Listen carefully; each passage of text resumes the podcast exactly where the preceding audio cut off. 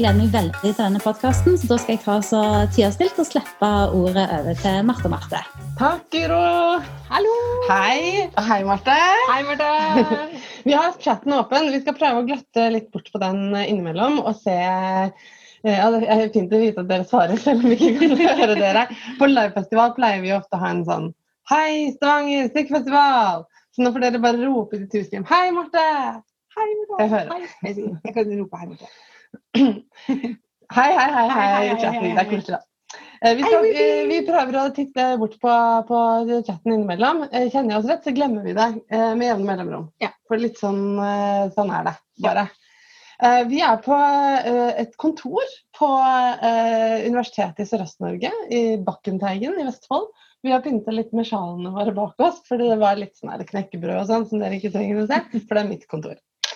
Litt Star Wars-lego. Eh, ja. Og klare for Stavanger strikkefestival, hvor vi aldri har vært før. Ja. Så det blir sånn digital start, da, så kanskje vi Ja. får kommet oss på den reelle festivalen når korona er en saga blått. Ja, fordi vi har jo Det var jo Oslo strikkefestival som var den første som vi var på. Og så ble vi invitert til Bergen, og vi bare wow! Dette her er bare det kuleste som fins. Og så begynte vi å få barn. Og så ble ting vanskelig.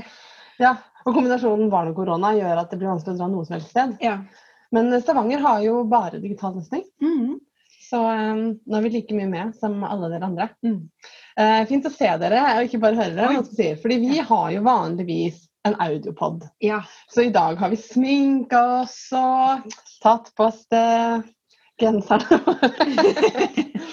Eh, ja, jeg, jeg tror vi er jo på en måte veldig komfortable med audioformatet. Ja. Sånn at vi tar eh, og spiller inn dette, så kommer jeg til å gjøre det om til en lydfil og publisere det også som, eh, som lydpod. Mm. Sånn at dere kan altså, De som ikke er her også, kan få nyte av det i den vanlige audioformatet. Og hvis dere blir distrahert av våre vakre ansikter, ja. så kan man, kan man jo bare høre lyden. Ja. Um, men det vi tenkte at vi skulle begynne med, da, er en liten sånn introduksjon. For det, det kan jo hende at det er noen som hører på, som ikke, har, eh, som kjenner, ikke kjenner oss så godt. Ja. Og en annen ting jeg oppdaga når jeg eh, var innom eh, nettsiden vår i går, Mhm. Og de biografiene som står der, ja. de er utdaterte, for å si det sånn. Ja. Ja. Jeg bor i Sørkedalen, og Ja. hester bor jeg med, og i det hele tatt. Og du har ingen barn og bor på Sankthanshaugen. Det, det har vel skjedd litt siden det. Det har skjedd en del siden det. Så vi har jo tatt en sånn derre hadde en oppdateringsepisode for et års tid siden. Men jeg tenker at vi kan ta det her likevel, siden vi liksom Et år siden. Ja, tida flyr. Sånn går det. Men vi har kaffe i koppen. Håper dere har det også. Mhm. Vi har tenkt at vi skal liksom prate en times tid, og så ta en liten pause, sånn at alle får fylt opp kaffekoppene. Uh, I tilfelle de ikke har kaffetrakteren ved siden av det stedet der de streamer festivalen sin. Så Mhm. frykt ikke hvis det blir tomt. Har du lyst til å begynne, eller? Og fortelle hvem du er? Ja. Jeg heter Marte. Det er like gøy å si det hver gang. um, ja. Jeg kommer jo fra Strømmen, som er et lite sted utenfor Oslo. Ikke så langt fra Lillestrøm, som er på vei til flyplassen, for de som vet det. Em, men der bor jeg ikke lenger. Bor ikke i Oslo heller. Flytta til Tønsberg. Og det er jo da For jeg gjorde det! Ja. Jeg ba du må flytte til Tønsberg, ellers så får vi aldri spilt inn på. Du bare OK, OK, jeg gjør det. Ja. Nei, men altså mm, Jeg har vært her veldig mye siden jeg var barn, og jeg har drømt om å bo her. Og så klarte jeg i hva blir det for noe, forfjor sommer. Og det var faktisk det jeg gjorde, altså. Men jeg, jeg lurte mannen min og lillesønnen var med på um, visning. Vi visste ikke at de skulle på visning, men så skulle de det. Og så var det et veldig veldig fint hus som var liksom perfekt. Og jeg, vi skulle da ha et lite barn til. Og så eh, ble det sånn. Så nå bor vi her. Eh, Bra lurt. Ja. Jeg har fått jobb i Færder kommune som byggesaksbehandler. Og Er det noe sak? ja, ha kvarter å kjøre til Marte. Det er jo bare bedre kan det ikke bli. Ingenting. Vi har nesten ikke bodd så nærme hverandre siden da vi var unge studievenninner i Oslo. Ja. En stund da så bodde vi jo Ja. så nærme hverandre at vi omtrent kunne hatt lyssignaler i vinduet. For vi bodde på samme studentby. Det var Det var koselig. det. Ja, vi drakk mye kaffe da òg. Åh, mye kaffe og mye julete. Det er flere Marter som ser på oss. Ja. Navnesøstre. Ja, hei. Vestfold! Å, det hun, Ja. kjenner, hun kjenner jeg. Hei, fra, hei Ketil Holmesvann.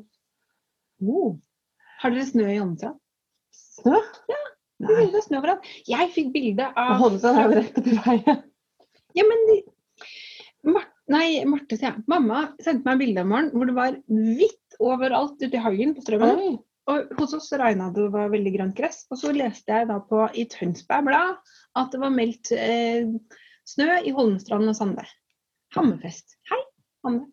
Der er det kanskje snø. Nå mister jeg fokus. Nå må vi eh, Marte, fortell om deg. Ja, jeg heter Marte. Eh, jeg har eh, fått et tredje barn siden vi begynte podkasten. Da hadde jeg vel ikke hatt det barn nummer to så veldig lenge ennå. Men nå er jeg tre. Og så har jeg flyttet til Tønsberg. Eh, det gjorde jeg litt før deg. Um, og så jobber jeg her, vi er jo på mitt kontor. Jeg jobber på universitetet og på lærerutdanninga i norsk. Og forsker litt og underviser litt og har det veldig morsomt på jobb. Med andre ting enn strikking, men eh, da er det fint å ha en podkast. Eh, også i tillegg til å ha podkast om strikking og strikke, så synger jeg om strikking. Ja. Jeg er med i en kvartett som synger sanger som bare har med strikking stort sett, og andre håndarbeid å gjøre. Sånn at det er, det er en rød tråd i hobbyene, for å si det på den måten. da. Ja. Um, og så tenkte jeg at en del av eh, det å presentere hvem vi er, Mm. må jo også være å, å si hva vi strikker, hva vi liker å strikke. Ja. For der har det nemlig skjedd litt ting i løpet av vår eh, Ja. podkastreise. Ja. Fordi vi begynte, og da vi begynte å podde, så var jeg litt sånn som strikka helst i ufarga garn. Jeg har alltid vært veldig, veldig, veldig, veldig glad i um, sauete garn. Mm. Det er jeg fortsatt. Det kommer jeg aldri til å gå over. Og at det første man gjør når man har nytt garn, er å lukte på det. Mm. Det er en selvfølge. Og da skal det helst lukte litt fjøs. Ja. Da blir jeg veldig lykkelig. Og så er jeg veldig glad i at garn stikker litt. Når jeg strikker i det særlig. Men så må jeg jo innrømme at jeg er innmari glad i at ting er mykt når jeg har det på meg, egentlig. Sånn som den genseren her, som er strikka i merino tweed, den er jo bare helt sinnssykt god og myk å ha på seg. Mm. Men jeg kjeder meg i hjel når jeg strikker sånt. Yeah. Fordi bare fingrene blir sånn Det er som spagetti, liksom. Skjønner du? Åh. Og det verste er sånn kabelspunnet merino som bare Å, det er spagetti, det. det er sånn, åh. Og også eh, ikke Altså alpakka. Ja. Det er sånn glatt og fjomsete. Mm. Det jeg liker, er litt sånn at det har litt sånn struktur. Litt, eh, er litt hardt mot Ja. fingrene. Og litt eh, sånn Nå strikker jeg Hillesvåg Ask. Perf det perfekte garn, Ja. vil jeg si. Um, det som har skjedd med meg i løpet av uh, vår podkastreise, er at jeg har gått fra å være en som bare strikka i ufarga garn, stort sett. Liksom brun og gråtoner og sånn, og, og burgunder, da. Vår mm. kjærlighet til burgunder har jo ikke gått over. Nei. Du har kanskje på deg den ultimate fargen. Oh. Men jeg har blitt en som til og med strikker i Klovnesby. Eh, som vi har snakka om før. Altså multifarga garn og sånn. Jeg er litt flau over det. Samtidig så er det jo veldig gøy. Og grunnen til at jeg har blitt sånn, er fordi at eh, akkurat som jeg er glad i å gå med myke ting, så er jeg også glad i å gå med farger. Mm. Sånn at jeg oppdaga liksom at jeg strikka i de tingene jeg likte å strikke i, men det ble på en måte bare veldig mye plagg som ikke egentlig var fargerike nok for meg. Mm. Så det har jeg gjort noe med. Så jeg har begynt å, å strikke mer i farger. Dette er sånn der flere, mangefarga garn. Dette var forferdelig å strikke, for det, var, det er kabelspunnet og det er kjempeslitsomt. Nei, den er ikke kabelspunnet, men, Nei, den, er, er den er sånn ikke superwash-behandla, men eh, økoplasma, miljøvennlig superwash-behandla. Ja, merino. Tynn, tynn, tynn, tynn, tynn, tynn, tynn, tynn, tynn, Det er som bomull, sant? Det er som bomull. den kjennes jo som bomull. Ja, den kjennes faktisk litt vel ut som bomull. Jeg foretrekker egentlig ja, Ja. den her. Mm. Men ja, eh, aller helst så strikker jeg bare gensere og kofter til meg selv. Ja. Jeg også har, har endra om eh, Men det som, de tingene som jeg likte før, de liker jeg enda mer nå. Mm. Så jeg liker burgunder fortsatt ekstremt godt. Og ullgarn, ullete garn, vel, det, det, det er Jeg klarer ikke å få sagt nok hvor mye det er veldig mye jeg- som er helt motsatt. Ja. Og som elsker den der myke garnet mellom fingrene når de strikker. Jeg må si at jeg liker å dele, bytte litt på. Mm. Så jeg har strikka en del i alpakka og veldig myke ting i det siste.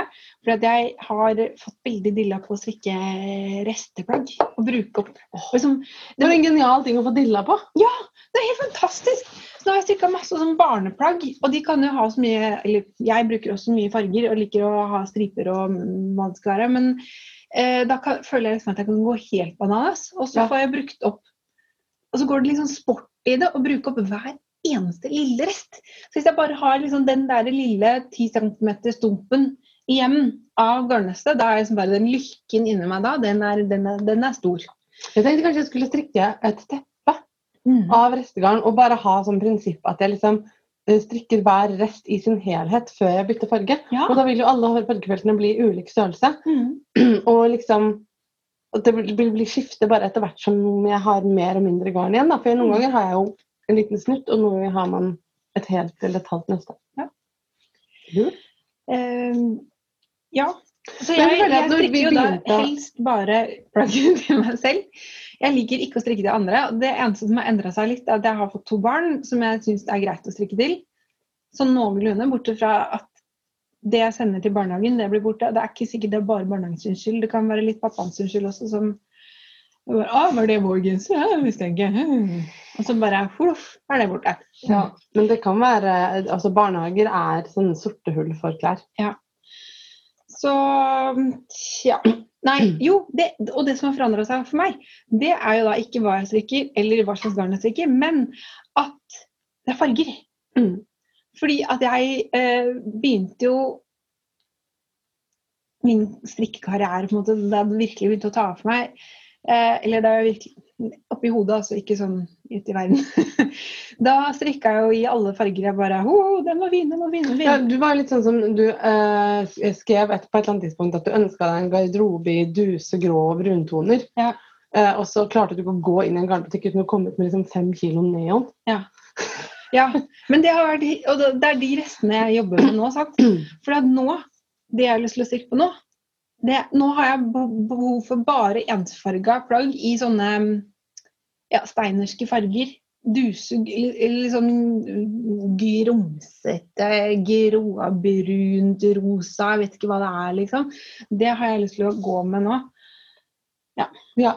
Så nå har jeg begynt å strikke litt mer sånt. Men eh, så, Det er litt motsatt av meg, da.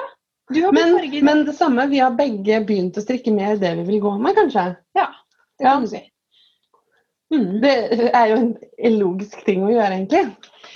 Når man har klesproduksjon som hobby. Det her er det som er problemet, fordi det er så mange ting som er morsomt å strikke. Mm. Og det har vi snakka om i en episode før, men ikke nødvendigvis det vi har lyst til å gå med. Mm. Helt sant. Det, det er det jeg sliter med. Så nå legger jeg opp og, og, Og sånn som hvis man tenker på hva som man vil gå med, så det er jo ikke sånn at jeg trenger veldig mye mer ullgensere nå, egentlig. Mens eh, Altså, trenger er et relativt begrep. Men eh, for eksempel så trenger jeg alltid raggsokker. Ja. Og jeg går jo hull på dem like fort som mammaen min klarer å supplere dem. Heldigvis har jeg en mamma som supplerer dem. Ja. Men, eh, men det er likevel hadde vært lurt av meg da å strikke ullsokker, Mm. men det gjør jeg ikke. det er mamma å strikke to. Ja, det er noe med det. Men vet du hva jeg har funnet ut? Altså, Hvis man ikke er så innmari opptatt av at sokker skal være like, for det er ikke jeg, eh, da kan man jo bare strikke én. Ja. Og så kan man strikke en helt annen. Oh. Man kan til og med la det gå noen uker imellom, og så kan man bare fortsette å strikke enkeltsokker. og det er så lurt. ja, så lenge man strikker i ca. samme garn, Ja. så blir det jo greit. Nå ble jeg Å, hørte du englekoret, og så Ja. lyspærene blinka? Åh. Det er ikke sånn. Men jeg har mindre problemer med å strikke to votter enn to sokker. Mm. Ikke det rart? Jo, det er rart, faktisk. Ja, ja. Sånn er det. Men eh, OK, vi har en strikkepodkast. Hvorfor, hvorfor har vi egentlig det? Føler vi at vi er eh, strikkeautoriteter, liksom? På noen måte? Jeg får veldig ofte sånn derre eh, jeg er jo, Instagram for meg er sånn derre strikkeunivers, for jeg Ja. følger stort sett bare strikkere. Og noen ganger får jeg sånn Men herregud, jeg er jo en uh, juksemaker. det, er jeg egentlig flink nok til å strikke til å kunne på en måte, ha en podd om strikking i fem år? har vi holdt på. Å, fy. Og jeg, jeg har ingen illusjoner om at jeg er noe særlig flinkere til å strikke enn andre. Nei, altså vi strikker jo veldig mye, da. Ikke noe Jeg- nå for tida, eller produksjon, Hvis man tenker output, så kommer det ikke så veldig mye. Altså, jeg har ikke så mye tid, jeg. Jeg tenker at det OK. Egentlig så kan vi bare oppsummere det som kona di sa. At Ja. Herligheten, dere må bare begynne å ta av de pratene der, for dere snakker bare om strikking uansett. Ja, ja og når folk sier sånn Men har dere hatt en strikkepodkast i fem år? Ja. Er det mer å snakke om nå? Men, sånn, herregud, vi har jo snakka om strikking i mye mer enn fem år. Vi har Podkasten har bare så vidt begynt. ja, men Podkasten har bare dokumentert de siste fem årene. Vi holdt Ja. jo på i hvert fall fem år før det. Det var bare Ja. at det var ingen som hadde trykka rekk. Liksom. Nei. Nei, altså, jeg tenker at Så det, det er vel kanskje det vi er autoriteter på, da. Å skravle. Ja. Det er gode på. Ja. Uh, og så tenker jeg at uh, vi er eh, gode på noen ting. Det syns jeg vi er. Vi er gode på akkurat det jeg sa, å jukse og trikse det til. Ja. Fordi ingen av oss har spesielt mye tålmodighet med liksom, oppskrifter som ikke Nei. gjør sånn som vi vil at de skal gjøre, f.eks. også, men det er alltid Det er jo det er mange podkaster der ute i verden, og etter at vi begynte, så har det kommet veldig mange flere, og det er jo veldig morsomt. Og jeg tenker at det er plass til veldig mange eh, forskjellige der ute òg, fordi at folk har forskjellige synsvinkler og forskjellige interesser og eh, en podkast f.eks. som de nevner kanskje litt seinere, Nerdic Knitting, Ja. de har et helt annet fokus enn det vi har. ja. Langsom og krongelig stikning. Ja. Og så er det masse podkaster med folk som er eh, eldre enn oss eller yngre enn oss, og som Mm. har andre um, ting de liker å strikke, f.eks. som produserer alle disse sokkene jeg ikke gjør. Ja. Mm, ja. Så, men jeg tenker at eh, ja? Og dere som hører på, dere er også forskjellige mennesker med forskjellige bakgrunner også. Ja. Juksing er det samme som tilpasning, sier Grete Lunde. Er det ikke? Ja. Ja. Jo, jeg syns det. Jo, men så er det noe med at det er en ting som jeg er veldig fornøyd med. Altså, både, både du og jeg lærte å strikke eh, som barn, vel, Mm, egentlig. ja. Og jeg hadde ikke en sånn Veldig mange gjør jo det, lærer å strikke som barn, men så lærer de seg på en måte å strikke på nytt når de blir Mm. voksne. Mm. Av YouTube eller noe sånt, eller av hverandre kanskje. Men jeg strikka Jeg har alltid strikka, faktisk. Og jeg var liksom hun som strikka på videregående. Ja. Og det visste Ja. var det hun Marte som strikker. Fordi jeg strikka i timene og fikk kjeft av lærerne fordi jeg strikka Mm. eh, på en måte, ja, i timene. Ja. Eh, men, og, og det var jo liksom ikke så veldig kult da jeg gikk på videregående. Jeg vet ikke om det er kult nå, men det var i hvert fall ikke det den gangen, da. Eh, da men, men jeg strikka alltid. Og jeg vet ikke, jeg har blitt etter hvert god til å lese mitt eget strikketøy. da, Sånn at jeg vet litt hvor jeg er og hva jeg driver med. og Jeg klarer å finne på en genser, og jeg klarer å finne på andre plagg. Og jeg klarer å tenke ut eh, nye løsninger da, Mm. på, på ting. Mm. Og det er jo en eh, evne som jeg syns er litt viktig, og det er noe av det jeg syns er gøy når vi har workshops, f.eks., for, for det har vi hatt inn litt eh, etter hvert. Det er når vi eh, får folk på workshop som syns at det der med å slippe oppskriften er litt skummelt. Mm. Og som på en måte ikke og er, er litt sånn 'Å, hjelp, men hva, hva skjer hvis jeg bare gjør sånn?' Eh, og så bare få folk til å gjøre det likevel. Mm, ja. eh, og så blir det stort sett eh, litt gøy, da. Ja, så tenker jeg Ja, ikke sant? Og så er det noe med det at um, uh, jeg, Selv om jeg har strikka mye i en del år nå etter hvert, så er det stort sett alltid noe nytt å lære. Mm. Og, fordi det er så mye. Og jeg har lyst til å lære en sånn smartpatent nå. Ja, ikke sant? Eh, og jeg, en ting jeg ikke er god på, sokker selvfølgelig. Tær og hæler. Der kjenner jeg faktisk, fordi jeg begynte å høre på de gamle episodene våre igjen, hvor, du- særlig hvor du snakker om sokker, at her er det liksom noe jeg egentlig det, det kom fram akkurat når jeg sier det nå. men at jeg, Der er det noe jeg har lyst til å undersøke litt. Jeg har lyst til å strikke og finne ut av, og liksom hva jeg syns om det. Teste meg litt. Ja. Så det er, helt, det er det som er så fascinerende med trikking. Det er to pinner og én tråd, og så er det så mye spennende som man kan Husker du den gangen jeg drømte at jeg fant opp en ny maske? Ja, og jeg skulle så, så, så godt. Jeg tror vi har sagt det på den før. Ja. Men jeg hadde en drøm altså, hvor jeg på en måte fant på Altså Man kan strikke en rettmaske, man kan strikke en vrangmaske. Og så fant jeg på i drømmen en helt ny måte å strikke maske på, så du fikk en helt annen struktur. Ja. Og det var bare helt sånn der Wow! Og når jeg våkna, så var jeg helt sånn der Hvordan var det? Hvordan var det? Hvordan var det? Men det, det går jo ikke an. Altså, det er en løkke. Du kan ta den ene veien eller den andre veien. Men jeg husker så Men, eh, godt da du hadde drømt, for kom, da møttes vi dagen etterpå. Og så kom det liksom Jeg tror vi hadde forelesning eller noe. Og så bare liksom, Det var vinter, og du buste inn og bare Morten, var det jeg drømte? At jeg har funnet en ny maske!' Det sånn 'Hei, hvordan står det med deg i dag?' Og bare 'Jeg har funnet en ny maske!' Jeg Jeg husker det ikke! jeg vet ikke hvor mange ganger jeg har prøvd å liksom altså, skjønner skjønner, liksom Hvis jeg tar sånn, sånn, sånn Kanskje, og så blir det blir, Nei, det, det går ikke, liksom. Så ja, jeg tenker at vi vi er kanskje litt sånn autoriteter på å snakke om strikking.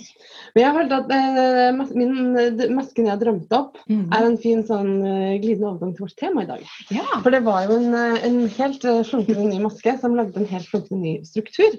Og vi tenkte at vi skulle bruke eh, den første halvdelen av denne podkasten i hvert fall, til å snakke om nettopp struktur. Mm. Fint ord? Ja. Struktur. Eh, Ikke struktur på livet eller dagen din, men struktur i strikketøy. Altså hva slags Sånn struktur liker jeg. Eh, Fordi at det er jo, mm, som du sa, det strikking er. Vi har to pinner og en tråd, og så lager vi et tekstil. Mm. Og det er ganske kult. Det er jo ganske tidkrevende. Og man kan lage et, eh, eh, et stykke tekstil, tekstil som man kan måte forme og sy ting av. Mm. Men man kan også strikke det til den formen man vil. Mm. Og så kan man gjøre da disse to forskjellige tingene, rettemasker og vrangemasker, Mm. og så kan det bli helt ulikt. Og vi har jo noen eksempler på det her sånn rundt oss akkurat nå. Ja, faktisk. Genseren jeg har på meg, det henger to sjal bak oss. Mm. Du strikker på noe, jeg strikker på noe. Skal vi fortelle Mhm. kjapt hva vi strikker på, eller? Ja, det vil jeg gjøre. Vil du, eh, Åh. Jeg, altså Jeg legger opp og eh, rekker opp. Legger opp og rekker opp og legger opp og rekker opp. Og her, dette her, det har jeg begynt på uh, ca. Jeg tror det er 50 ganger nå. Og jeg gir jo ikke opp heller. Det er ikke sånn at jeg tenker at hm, dette var en dårlig idé, og så begynner jeg på noe annet. Nei, nei. Da er det ikke mulig å se. Men dette her skal bli et babyteppe. Som jeg strikker på en litt kort rundpinne fram og tilbake i riller men med forkorta rader. Og det er et veldig kult mønster, eh, gratismønster fra Pearl Soho. Som jeg ikke husker hva heter, men eh, det kan vi finne ut. og så Jeg legger det ut på Instagram etter hvert. Som er altså sånn at den ene siden, da får du eh, lysestriper som går sånn smale striper sånn. Og på den andre siden så får du en annen farge. Og da er det egentlig fem forskjellige farger eh, oppover. Og det er det, liksom. Men jeg har selvfølgelig et helt annet garn og en helt annen strikkefasthet og helt andre pinner. Og er dette en del av din eh, restebonanza? Nei da. Ja, egentlig så skulle det være det, men så endte jeg opp med å kjøpe masse nytt garn. Fordi at eh, jeg skulle strikke en gave, da, og så tenkte jeg at dette må jo henge sammen, og så var det garn på salg. Og så har det bare en tatt det andre, og så nå har jeg egentlig Ja, dette kan jeg snakke mer om etterpå når vi skal Ja. Men um, dette er Rauma lammull, da. Det er riller. Um, Unnskyld. Stå opp om morgenen, ikke prate, rett på podding. Stemmen bare Oi. Men jo, eh, jeg bare var fascinert over at du begynner å rekke opp og begynner å rekke opp på et babyteppe. Ja, men det er det teiteste! Det er jo helt teite. Men der, er, jeg har jo ammejern om dagen, sånn, så jeg, egentlig så begynte jeg å strikke da, det som Hva fader heter det, da? Babyteppe som jeg strikka fire ganger før. Er det det der med sånne Ja, trekanter. så du strikker én rilletrekant. Jeg tror du må ta deg en liten sånn runde og google disse mønstrene, sånn at Ja. du kan komme tilbake til det. Ja. Uh, Anita Simonsen sier at hun strikker på cardigan, votter, sokker, lapper osv.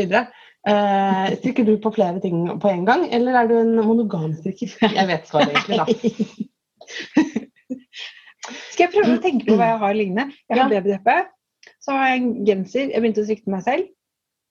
Eh, som ble altfor stor som liggende. Og så har jeg en um, eh, annen genser hvor jeg var sånn usikker på mønster og farger. Som jeg, ja, så har jeg en, tredje, en tredje genser til meg selv som er altfor liten, så den skal jeg rekke opp. Og så har jeg en babyjakke. Og så har jeg dette teppet her. Og så har jeg um, en bomullstopp. Og så har jeg en sånn uh, Nå har jeg fått et helt hus som jeg kan fylle kriker og kroker med, så jeg har Mm. strikkeprosjekter liggende rundt omkring. Eh, Jeg har prøvd å eh, Eller jeg mener at det er helt meningsløst å bare strikke på én ting om gangen. fordi at da begrenser jeg anledningene jeg kan strikke i. Fordi Hvis jeg for strikker på noe som er veldig komplisert og har et veldig sånn intrikat eh, strukturmønster eller flerfargemønster, som jeg er nødt til å på en måte fokusere og følge med på når jeg strikker på, da kan jeg jo ikke strikke på det for eksempel mens jeg rører i havregrøten.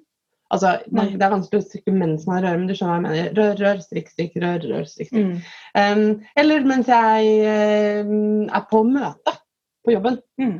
Um, og da, da er det litt sånn at eh, da må jeg ha et annet strikketøy som bare har brrt, rett strikk. Ja. Uh, fordi innimellom vil man jo ha det der vanskelige. ikke sant? Så jeg må ha flere ting i gang på en Mm. gang. Men jeg prøver å liksom begrense meg og, og litt sånn legg, følge av en ting, legge opp en ting. Mm. Heller enn at man bare legger opp mange ting hele tiden, for da ender jeg veldig ofte opp med å ikke gjøre ferdig. Eller Ja. man får veldig mye mindre følelse av framdrift. da. Ja. Fordi når du har så mange forskjellige ting du strikker på, så kommer du ikke så langt. Nei. Men nå, akkurat nå strikker jeg på Ja. den genseren her, som er favorittgenseren fra norsk, norske strikkemønstre, som er Wenche Roald sin oppskriftifisering av Anniken Sibbern Bøhns gamle norske strikkemønstre i diagrammer, liksom. Den strikkes over hverandre og er fin, syns jeg. Mm -hmm. Egentlig fire farger, men jeg har bare tre. Men det er til gjengjeld tre veldig veldig fine farger som ikke blir gjort helt uh, rettferdiggjort i lyset her. For den gulfargen her er den popper, liksom. Den ser så grå ut på min skjerm, i hvert fall. Men den er, uh, Den er den har jeg farga sjøl med regnfall. Mm. Og den her har Laila på værbitt farga med små korsenillebillefarger. -hmm. Og den er farget, farget med planten vaid, som må fermenteres i urin. Det alle som har uh, hørt på oss, har nå fått med seg at jeg strikker i urinfermentert garn. Uh, men for en blåfarge! Jeg bare sier det. Um, så det strikker jeg på nå. Og så i tillegg så har jeg en hals liggende hjemme. Mm. Som jeg også strikker på. Den har litt sånn mer som jeg må følge med på. sånn at når jeg podder, så uh, er det bare glattstrikk det går i. Ja. Um, så tror jeg ikke jeg har mer, faktisk. Akkurat nå. Så da føler jeg at jeg kanskje må legge opp til noe. Jo, jeg har bare Jeg har bavotter. Ja. Som er dritkjedelig, og det gikk feil om det rekker opp. Jeg blir sint på det. Men du, vi har blitt ja. spurt om eh, hva genserne vi har på oss heter. Ja. Vil du si hva de heter? Ja, jeg har faktisk egentlig på meg en kjole. Som, ja, nå får du ikke, jeg drar den bare opp, jeg. Er, hjelper ikke. Den er lang. Ja, den er, det er korsformkjole en eh, korsponsokjole fra Pickles. Som jeg har strikka i pure wool i stedet for uh, merino bliss. Fordi at merino bliss er et garn som er fantastisk å ha på seg, og helt grusomt å strikke med, syns jeg. Ja. Jeg vet at ikke alle syns det, men jeg syns det. Men pure wool derimot. Åh. I know. Men den er veldig kul. den eh, rett på huden, og det er Det er det beste når man er litt sånn frøsen. Ja, den er helt uh, nydelig. Ja. Kort ponchokjole, sa du? Nei, Porsche ponchokjole. Porsche, ikke kort Porsche. Porsche. Du er Porsche Spice. Ja. det var jeg faktisk. På um, Spice Girls bursdagsfesten til Tonje, eh, som jeg gikk på barneskole med, i Nei, du var på ungdomsskolen, faktisk. Eh, Ja. Åtte, Niende klasse, kanskje. Du var Porsche, ja. Jeg var Porsche. Jeg, altså, alle hadde jo som en Spice Girl identifisert med, seg med, litt mer med enn de andre. Ja. Eh, min var Sporty Spice. Ja, det ser jeg i dag. ja, hva har du på deg? Eh, jeg har på meg den som heter Coroni, som er litt morsomt i disse tider. Som ikke ligner på den originale koronaen i det hele tatt, fordi at jeg ikke evna å følge det mønsteret og bruke et garn som ligna i det hele tatt. Eh, den skulle ha trekvart lange armer, men jeg ble lei her. Eh, og det er strikka i Pickles Merino Tweed. Og den har noen veldig veldig fine striper, hvor det er sånn type vevstrikk i striper, sånn at den har på en måte sånne små prikker inni hver stripe. Og fordi det er tweed, så blir den litt sånn ujevn i teksturen. Eh, men koronismønsteret kommer fra PomPom fra høsten 2014, tror jeg. Så ganske lenge siden. Eh, det var den utgaven hvor de hadde alle mønstrene var oppkalt etter kanalbåter. Var det det, ja? Jeg tror det. Ja, jeg tror det. Um, og så eh, den i originaloppskriften så er det en sånn Den har mange færre striper, for den slutter på en måte her i livet. Og så har den veldig sånn innsnurping. Sånn at den er sånn Den er på en måte nesten sånn cropped up. Ja, den er det. Eh, og så hun modellen er veldig veldig, veldig liten og smal. også, så, så den ser på en måte helt annerledes ut enn genseren her, da. Som faktisk er litt sånn A-linjeforma. For istedenfor å ta den inn, så har jeg bare strikka rett ut. Og med ganske store pinner og ganske tykt garn, sånn at den på en måte draperer veldig. Men det er en av mine mest komfortable, behagelige gensere. For den er liksom bare ah, myk og deilig. Nydelig. Yes, veldig fornøyd med den. um, Jeg fant ut hva disse mønstrene heter. Ja. forresten. go. Dette her heter Colorful Wedges Blanket eh, i riller.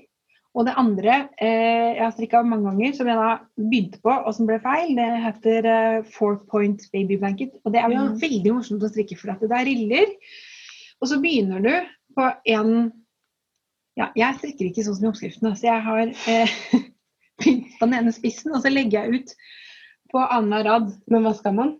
du skal lage, legge opp alle maskene på den ene, den ene kanten først. Oh, ja. Og så feller du gradvis. Så du får en Men det ga trekant. ikke du, så du gjorde motsatt. For jeg brukte selvfølgelig annerledes pinner og garn, så jeg tenkte det er mye lurere å Ja. strikke opp et helt nøste. Så da strikker jeg, begynner jeg på den tynneste spissen, og så strikker jeg bare Veldig lurt, Marte. Men det, dette her er- med å snu oppskrifter opp ned, Ja. det er lettere enn man ofte tror. Ja. Første gang jeg gjorde det, eh, var da jeg strikka Riddari poncho. Altså Ja. Riddari er en islandsgenser, og da jeg var gravid, så strikka jeg meg en poncho som er min bæreponcho. Mm. Eh, når jeg bærer babyen, så for den har to halsåpninger, en stor og en liten. Så den kan jeg bruke enten jeg bærer den foran eller bak. Jeg trenger litt hjelp til å få moja det til hvis han sitter på ryggen, men eh, jeg tror jeg klarer det egentlig selv. Altså. Men eh, den her funker veldig fint, jeg elsker den. Også, eh, og da ville jeg jo strikke også ovenfra og ned, fordi jeg ville bare strikke det mønsteret, og så strikke den videre som poncho Mm. istedenfor å Og da kan man jo ikke begynne å strikke nede. Liksom. Nei, det- det, nei. eller det klarte ikke jeg å tenke, i hvert fall. Sånn at, men det var jo så greit. Det var jo bare å følge Altså Når man følger et uh, mønster, Mm. som er flerfargemønster med hvor økningene, da, eller fellingene egentlig, men det Mm. som ble økningen for meg, ligger inni diagrammet, så er det jo bare Snu det på det. Det var veldig lurt. Veldig lurt. Strukturer, Marte. Ja. Den enkleste måten å strikke på, Mhm. hvis man skal bare strikke et flatt stykke tekstil, det er jo å strikke rett fram og tilbake og fram og tilbake, og frem og tilbake, sånn at det blir riller. Ja. Det er det du gjør nå. Ja. Hva syns vi om eh, den strukturen her, da? Den, det tekstilet? Vet du hva? Det, her, der har jeg også hatt en reise fra begynnelsen av podden og fram til nå. Fordi jeg har alltid sagt til alle rundt meg skal de gi meg en gave, så kan de gi meg garn, mønster. Jeg blir aldri lei. Hva som helst. Helst ikke liksom akrylgarn, kanskje, men uansett, jeg blir glad for så garn. Noe jeg kan lage noe av. Men det er det ingen som gjør, for de regner med at jeg kjøper alt jeg vil ha selv. Har de for så vidt rett i. Men, Men man blir glad, glad likevel. Jeg fikk garn av søsteren min til bursdagen min, Ja. eh, og hun hadde kjøpt burgunderrød PT2. Og det er jo ikke feil, liksom! Og det er jo sånn, det er jo, det er jo fantastisk. Det kommer jo til å bli fantastisk ja. uansett hva man gjør med det, liksom. Så mamma hun gjorde det en gang. da. Så Hun hadde vært i garnbutikk og så hadde hun funnet et oppskriftshefte med en veldig morsom vest med riller, og så hadde hun kjøpt garn til det prosjektet. Og jeg er bare kjempeglad for gaven. Hadde overhodet ikke lyst til å strikke den vesten. For at hun mente at den rillevesten, vet du, det er så enkelt og greit å strikke med sånne riller. Da, da blir, da, det er så moro vet du, at det er litt enkelt og greit. Mhm. Og jeg bare jeg skal mm, ikke strikke noe enkelt og greit. Så jeg gikk jo da også, Dette var to tråder. Det var én tråd pakka og én tråd iris, tror jeg det garnet heter fra Rauma. Som er en sånn um, børsta alpakka som er litt sånn fluffy og myk og litt tjukk. Ja. Så jeg tok da den ene tynne alpakkatråden og strikket en sånn sinnssykt detaljert hullmønstret eh, genser med fletter i raglanfellingen og puffarmer og Oi, oi, oi. forskjellige hullmønster på armene og genseren. Og, ja.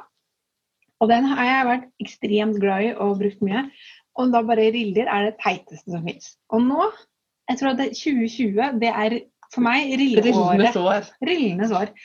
Jeg har strikket så mye riller, jeg. Men jeg tror um, Eller jeg vet ikke, jeg tror kanskje at jeg også har hatt lignende oppfatning en gang. At en riller ser litt sånn enkelt ut og litt kjedelig, kanskje. Mm. Men jeg syns at det som er så fantastisk med den strukturen du får når du strikker rett hele veien, sånn at det blir riller, Mm. er at det blir så um, bouncy, skjønner Ja, du? Altså elastisk. Og dette her uh, er jo rillestrikk. Ja. Og det, det blir også veldig, veldig lett Ja. i vekt. Samtidig som det fanger masse luft. Ja. Sånn at det isolerer veldig godt. Så det er ganske varmt. På en måte som jeg tenker at kanskje glattstrikk ikke blir. Fordi Mm. at det blir uh, mer kompakt. Og så til babytepper, da, sånn som det her. Nå Mm. strikker jeg Rauma lammullgarn, som egentlig er pinne, anbefalt pinne 2,5-3, på pinne, jeg tror det er 4,5. Jeg tok Mm. de minste pinnene jeg fant. Um, og det blir jo altså fluffy. Og jeg vil si, jeg liker dette, jeg liker riller ehm, på den måten her. Jeg er litt sånn picky på det. Altså det må være gjort med, mm, med vilje eller med omtanke. Mm. Det må være sånn et virkemiddel som man bruker skikkelig. Og det er det jeg liker med dette sjalet her også. At du bruker på en måte For det her er jo veldig enkelt. Ja. Det er riller, og så er det kast. Dette her er um, Steven West. Jeg er helt idiot på navnet i dag, kjenner jeg. Ja, ja. Uh, Jeg har ikke oversikt over Steven West sine sjal, men det er det enkle med hull. ja. Det heter et eller annet enkelt med hull sånt. Ja. Men da gjør du på en måte et poeng av at i Og det er det for sånn med dette teppet her også, hvor det er vendinger. Her ser dere en vending. At man kan vende på en måte uten at det blir, det blir et hakk, da. Fordi at jeg strikker på litt tjukke pinner. Mm. Men jeg tenker at det blir, det blir tight. Det blir tight like a tiger! Snakka om før.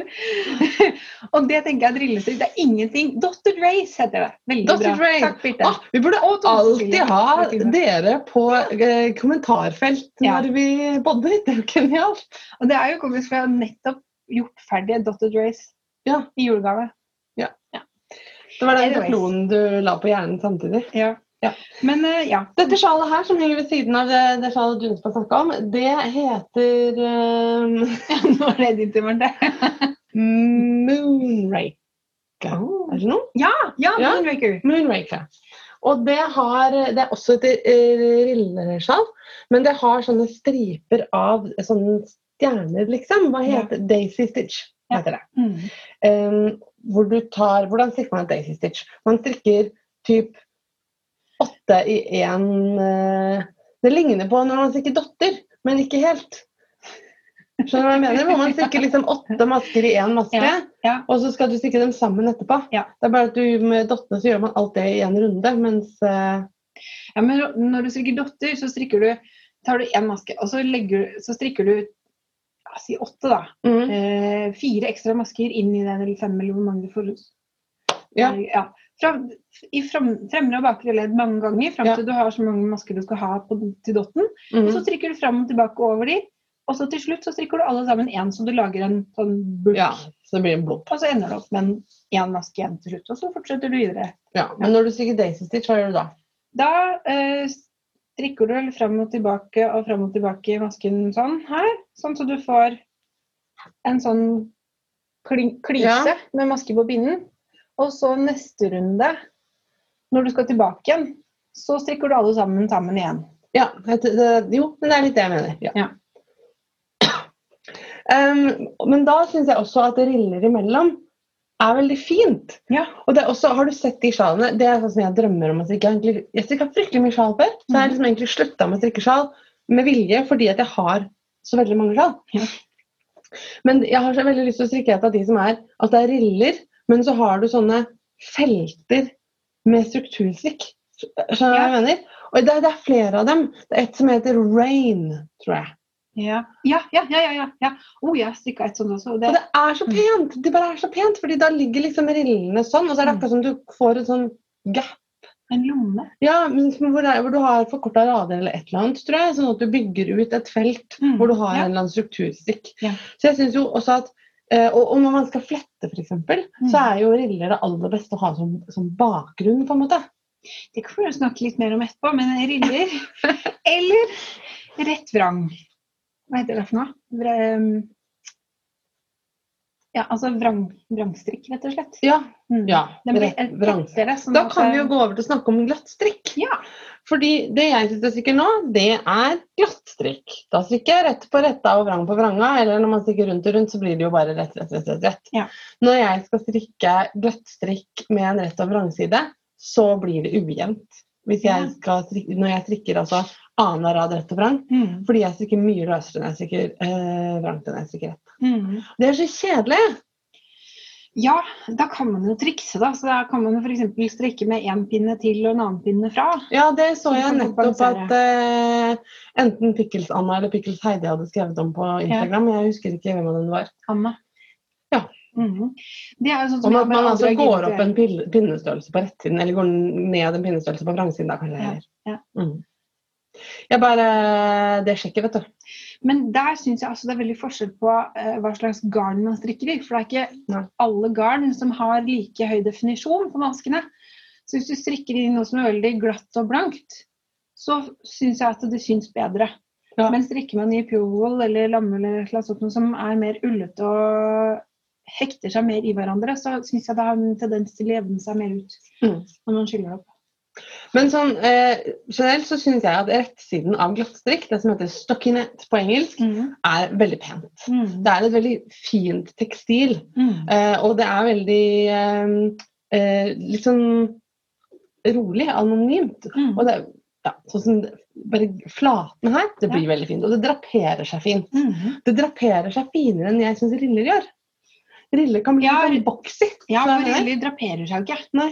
Men det tenker jeg også har med måten de er strikket på. Altså, de er, de er horisontale. Mm. De skaper eh, Hvis du får sånne fine faller folder i liksom stockinette Det sier seg jo selv. Altså, dette her er jo horisontalt dominert, mens Mm. eh, glattstrikk er vertikalt dominert. Så den der draperingen, den, Ja. den har jo med hvordan plagget faller nedover. Mhm. Og det er også det som gjør at rillestrikk ikke ruller seg nederst på Mhm. kanten. Mens eh, glattstrikk gjør det. Ja. Det ruller.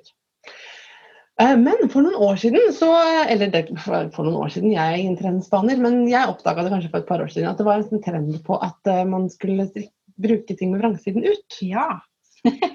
Men skjønner du hva jeg mener? ja. Det var noen sånne eh, mønster som f.eks. Mon Manet og sånn. Ja. Som, hvor du rett og slett strikker plagget eh, på vrangsida, altså på rettsida. Ja. Men det skal brukes med vrangsida ut.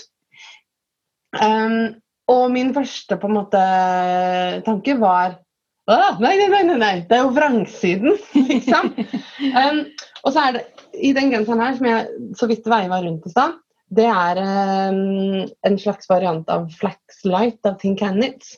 Jeg har ikke fulgt oppskriften, jeg har bare sett på den, for å være ærlig. Og brukt oppleggs... Det er en gassoppskrift, så jeg har brukt uh, oppleggs eh. Men så har jeg bare strikka på. Men det den har, er at den har nedover genserarmen, erme som det heter, ikke armen, eh, en stripe med riller. Sånn at fra toppen av skulderen til eh, håndleddet så går det på utsida av armen min en, et felt som er 20 masker som er rillestrikka. Det syns jeg er kult, for det, der bruker man på en måte forskjellen som jeg mener, mellom glattstrikk og rillestrikk som en, med en effekt. Og når det er sammen så, øh, og ikke er på en kropp, så, så, blir det, så ser du også dette her med vertikal versus horisontal dominans, som du kalte det så fint. At det oppfører seg annerledes. Det ene strekker den veien, og det andre strekker den veien. Så er det en forskjell på rillestrikk og vrangstrikk. Det var det jeg ville vise nå. At her er, eh, rillene i rillestrikk de har liksom litt luft mellom. Mm. Mens eh, som vi sa, det, det kompakte ved glattstrikk gjør at vrangsiden også blir veldig kompakt. Mm.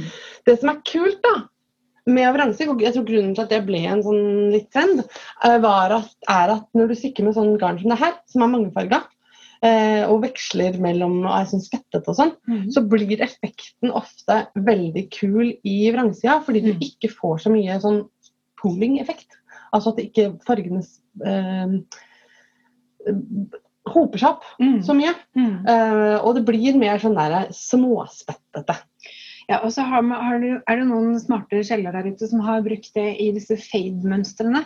Hvor- Fordi at Fade, find your fade, var Ja. det. Og hun Camilla Wad, fra, som er sikkert for Gull DK, tror jeg også, mønstre, eller de selger i hvert fall garn og mønstrene hennes.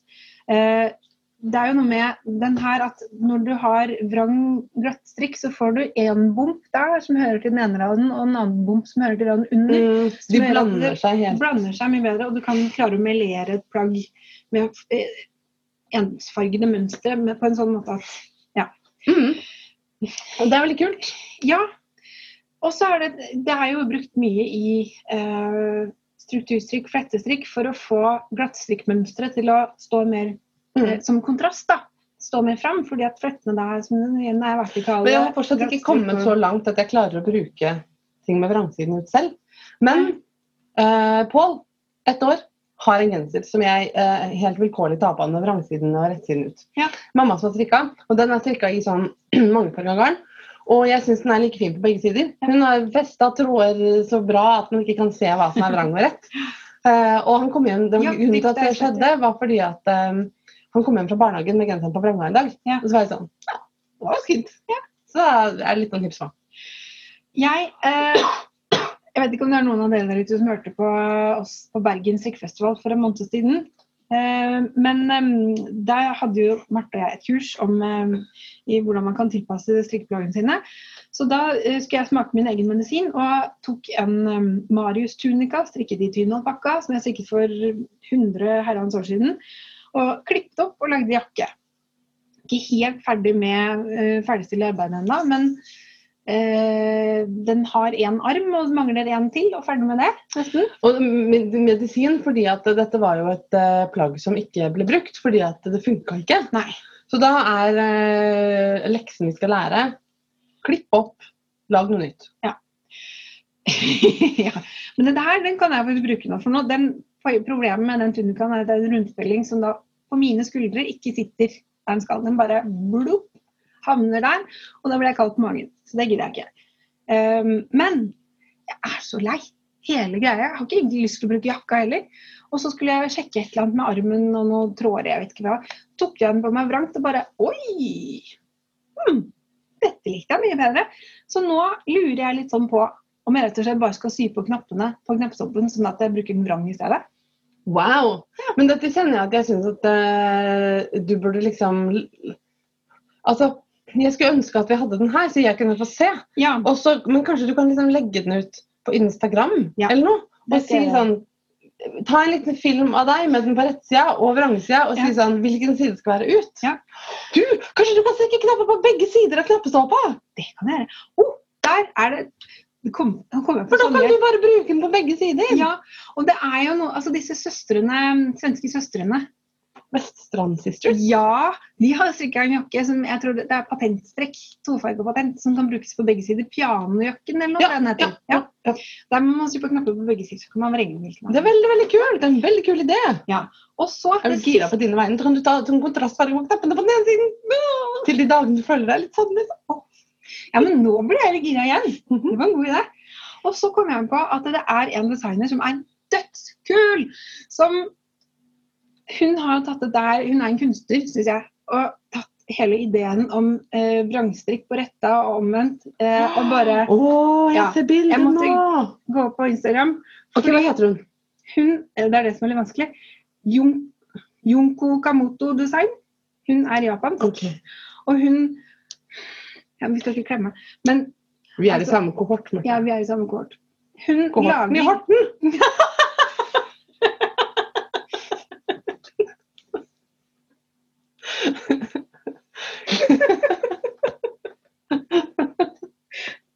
oh. Det skal ikke mer til. Ok, se på den, da. Oi, jo men du må vise deg til Ja. skjermen også. Dette er veldig morsomt for alle som hører på audioversjonen. Ja, det er sant. Eh, dere må gå inn på Instagram og se på Junko Kamoto Design. Det er Ju- Junko Junko Okamoto. Jun, Junko, Junko Okamoto. Ja, design. Arigato, motherfucker. Marte, da. Unnskyld. Ja. Hun, hun har tatt ideen om vrangstrikk og disse lange fargesprangene man man bruker flotteringene til å lage mønster. Ja, her ser dere Å, den fokuserer ikke. Til audiolyttere. Det Ja. vi ser da, er en blå genser med eh, et fargemønster i hvit, gul, oransje. Uh, hvor flotteringene lager mønstre istedenfor at maskene lager mønstre. Så hun, sykt kul idé! veldig, veldig kul. Men det som er at hun kombinerer hun har, liksom, hun har klart å gjøre det som veldig mange mennesker egentlig ikke gjør. Hun har tatt ideen om flerfargestrikk og bare Mm. Ja, men eh, hvorfor kan man ikke bare gjøre sånn, da? Og så tar hun lang, eller strikker to masker vanlig fargestrikk, og så en lang flotering på kanskje åtte Mm. masker, og så litt fargestrikk til. Og så får du en helt annen måte å vise mønster på. Og Mm. hun er Dette her ser nesten ut som broderi, ikke sant? det gjør det. Og så minner det meg om eh, sånne Når man broderer eh, eller har sånne planteplakater fra gamle dager man hadde på skolen. Sånne Eh, plansjer, liksom. plansjer, ja. Sånne botanikkplansjer. Ja, det gjør det. Det er et noe annet utrolig poetisk og vakkert over disse blomstene som eh, fint. Det er helt fascinerende. Kanskje det er noe jeg skal prøve å utforske litt mer. da. Er Vrangside. Og akseptere vrangsiden. Ja, altså jeg tenkte først da det var imot, Jeg husker jeg så en som gikk over krysset, Majorstua-krysset med en jakke på framgang. jeg bare mm, show off. Du er så innmari flink til å strikke. Oh, so special, Ja, liksom. og så ja, Avina, tenk, tenk Marte, den der eh, Marius-tunikaen som jeg strikka, Mm. det var jo før jeg gikk inn for å lære meg å strikke fargestrikk. Ja, for det ja, ja, ja. Men den er innmari pen strikka. Men du er så nøyaktig når du strikker ting. Alt du tar i, blir sånn pent og fint. Nja. Jeg føler at jeg er liksom dronningen av venstrehåndsarbeidet, men det er noe sånn. Jo, men du, der har jeg også endra meg, for jeg var veldig, veldig veldig nøye før. Og det jeg, prøver jeg å ikke være lenger. Og Mm. nå har jeg etter hvert lært meg hva jeg ikke trenger å være så nøye på. Og det er en frigjøring og en lettelse, Ja. rett og slett. Fordi Men noen ganger er det behagelig å ikke trenge å være så innmari nøyaktig. Mm. Syns jeg. Ja. Men du, vi har snakka om riller, vi har snakka om glasstrikk, vi har snakka om glasstrikk på vranga. Hva når man eh, blander eh, uttrykkene perlestrikk? ja! Eh, På svensk så heter perlestrikk uh, mossstikkning. Mhm. Altså moss som i mose. Og jeg kjenner at jeg er veldig veldig mye mer glad i mossstikning enn perlestrikk. ja. Perlestrikk, da får jeg litt sånn Sier jeg, Nå sitter jeg med perler i ørene, Ja. men uh, ikke sånne perler som jeg ikke liker. Altså, for meg så høres det så sossete ut. Perlestrekk. Du har sånne marteperler, du. Du har en sånn piercing-perle som er sånn stygg, liksom. Ja, men det er jo en sølvklump. Ja. Men så her har jeg en, et uh, Min øredobbe i dag er uh, livets tre Mm. av en metalltråd med ferskvannsperler som lager trekronen. Jeg har Mm. pynta meg, for vi har video på den. Eh, jeg Det er veldig Men perlestrikk for meg er sånn derre Å, takk. Uh, perler og Det, det er litt sånn, noe sånn derre snobbete greier med det. Mens mossstikkning, da ser jeg for meg liksom en liten rumpnisse ute i skogen. som uh, har noe sånn strukturete plagg på seg. ikke sant? Ja. Fordi uh, mossstikkning er jo litt sånn, det blir sånn bumpete. fordi at det, det er når du strikker rett vrang, rett vrang, rett vrang. Ja. Og så sykler du vrang på rett og rett på vrang og andre veien. Sånn at det blir annenhver rett og vrangmaske hele veien. Ja. Jeg skjønner ikke hva det har med Ærlig talt så skjønner jeg ikke hva det har med verken perler eller Det er de der bumpene. moss å gjøre. Jeg syns ligner på noen av de. Nei. Men det er et alternativ Vet du hva jeg syns det ligner på? Jeg syns det ligner på teglstein. Ja, sånn teglforband. Murstein utenfor vinduet. Ja. Nei, men det som jeg har brukt eh, perlestrikk til, da, er eh, variasjoner i kant, rett og slett. Mm. At istedenfor å strikke vrangborg nederst, eller en rillekant, da, Mm. så har jeg strikka en perlestrikkant. Den har det eh, Den blir ikke eh, en sånn innsnurping, sånn som vrangbord gjerne blir, eh, Mm. som er ganske elastisk. Eh, men den blir heller ikke så slapp som rillestrikk, tenker jeg. Nei. Eh, fordi den ikke er så horisontalt dominert. Mm. Vet du hva perlestrikk, fordi den er en kombinasjon av rett og rang, blir Mm. flat. Ja, akkurat som glattstrikk. Mm. Nei, det glattstrikk blir mer vertikalt, men du får, det blir Ja. liksom oppheva fordi du får de perledumpene. Ja. Men Jeg har faktisk både det ene og det andre å si om perlestrikk, Marte. Du har det, ja? Ja, ja, ja. ja? Vi har gått over tidsplanen vår, men kjør på. ja. Ok, jeg skal gjøre det kort. Å, fy søren, det er vi, ja. Ja, ja. Ok, Det er koselig. perlestrikk. Jeg strikka, det var den genseren jeg hadde på meg i forrige pod, Beatnik av Nora Goen. heter det mønsteret. Der er det perlestrikk på armene, og det er en Nei, det er, ja, det er en flettestrikka genser som har et stort panel med sånn eh, espalier-mønster eller trellis-mønster, og så er det noen fletter og noen greier. Og så er det eh, litt flette på armene og ellers perlestrikk. Fram til da så hadde jeg vært veldig, veldig, veldig skeptisk til eh, perlestrikk. Men jeg må si på den genseren der så funka det så innmari bra, syns jeg. Fordi at det gir noe uten å være forstyrrende. Og så bruker man det jo gjerne da i eh, flere, eh, annen strukturstrikk som en alternativ bakgrunn til vrangstrikk eller rillestrikk. Mm. Eh, men det kan jeg komme tilbake til eh, litt etterpå. Så eh, er det såpass flatt at det forandrer eh, eh, vidden på det du strikker. Ja, det gjør det. Mm. Sånn at man må på en måte bruke det med omhu, eh, eller med at jeg synes det funker På denne Marius eksempel, da, så er det da selvfølgelig perlestrikk på ikke halskanten og nederst. Mm. Og på armene. Nei, ikke på armene, men ellers. Og det er eh, Det legger seg ikke pent i halsen, så det er det siste problemet Nei, problemet vi har. det, det uh, bilser seg bort, bulter bare rett opp. Ja. Men så er det tynn tynn alpakka, så det står ikke rett opp sånn som den der ullhalsen her som er fin. Den blir bare liggende som en sånn Halse. Halse. Liker det ikke. Nei. Så sånn er det. Men um, jo, og så har jeg strikket Feeman Fuzzy Cardigan av Pickles. Hvor det er dobbel perlestrikk og Marte. Det er en fest. Ja. Ja, for da strikker du rett vrang, rett bak, rett vrang som vanlig. Men du gjør det over to rader. ja. Sånn at du, den strekker seg litt mer. Og da får du også en veldig sånn rik strukturell overflate. Ja, det jeg syns er litt kult, er eh, når man kombinerer ulike um, strukturer. Uh, F.eks. i babytepper gjør man noen ganger det, da. Mm. eh, eller andre tepper. Herregud.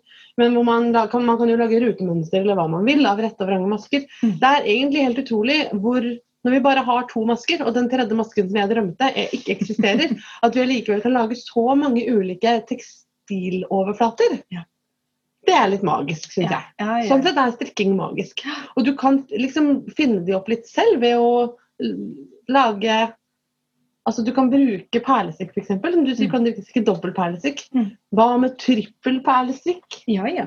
Du, kan jeg bare få liksom segwaye rett inn i Aran-sagaen? Ja, fordi det men det er neste punkt. Det er, Ja. det er helt trinnløst. fordi det, Nå har vi snakket om liksom, separate ting. Ja. Eh, altså separate strukturer. Ja. Men det som skjer i Aran-gensere, er jo en, eh, en herlig miks. Aran er jo et slags konsept Ja. hvor man setter sammen forskjellige strukturer på en, må en viss måte. Ja. Skal vi bare si noe om at vi har opprettet en fast spalte Ja. i denne podkasten. Ja. Som vi opprettet forrige gang, og den heter 'Marte overrasker Marte'. Ja. Og Det betyr at i hver episode så skal en av Martene eh, forberede et tema til å snakke om som den andre Marten ikke vet noe om. Og Forrige gang så hadde da Marte forberedt eh, Aran. Eh, det var bare det at Marte tok litt av. Sånn at hun hadde på en måte forberedt en slags eh, saga som vi bare fikk tatt første del av forrige gang. Så jeg tror at parallelt med at vi fortsetter med Marte overrasker Marte, så kommer vi til å måtte slippe til Aran-sagaen Ja. i sånne små eh, lommer i hver podkast. Så da eh, lurer jeg rett og slett på, Marte, om vi skal ta en fem minutter pause Ja. nå, så folk får fylt opp kaffekoppene sine, Ja. tissa hvis de trenger det, og så tar vi altså kapittel to i Aran-sagaen Ja. når vi kommer tilbake. Ja. Bra plan.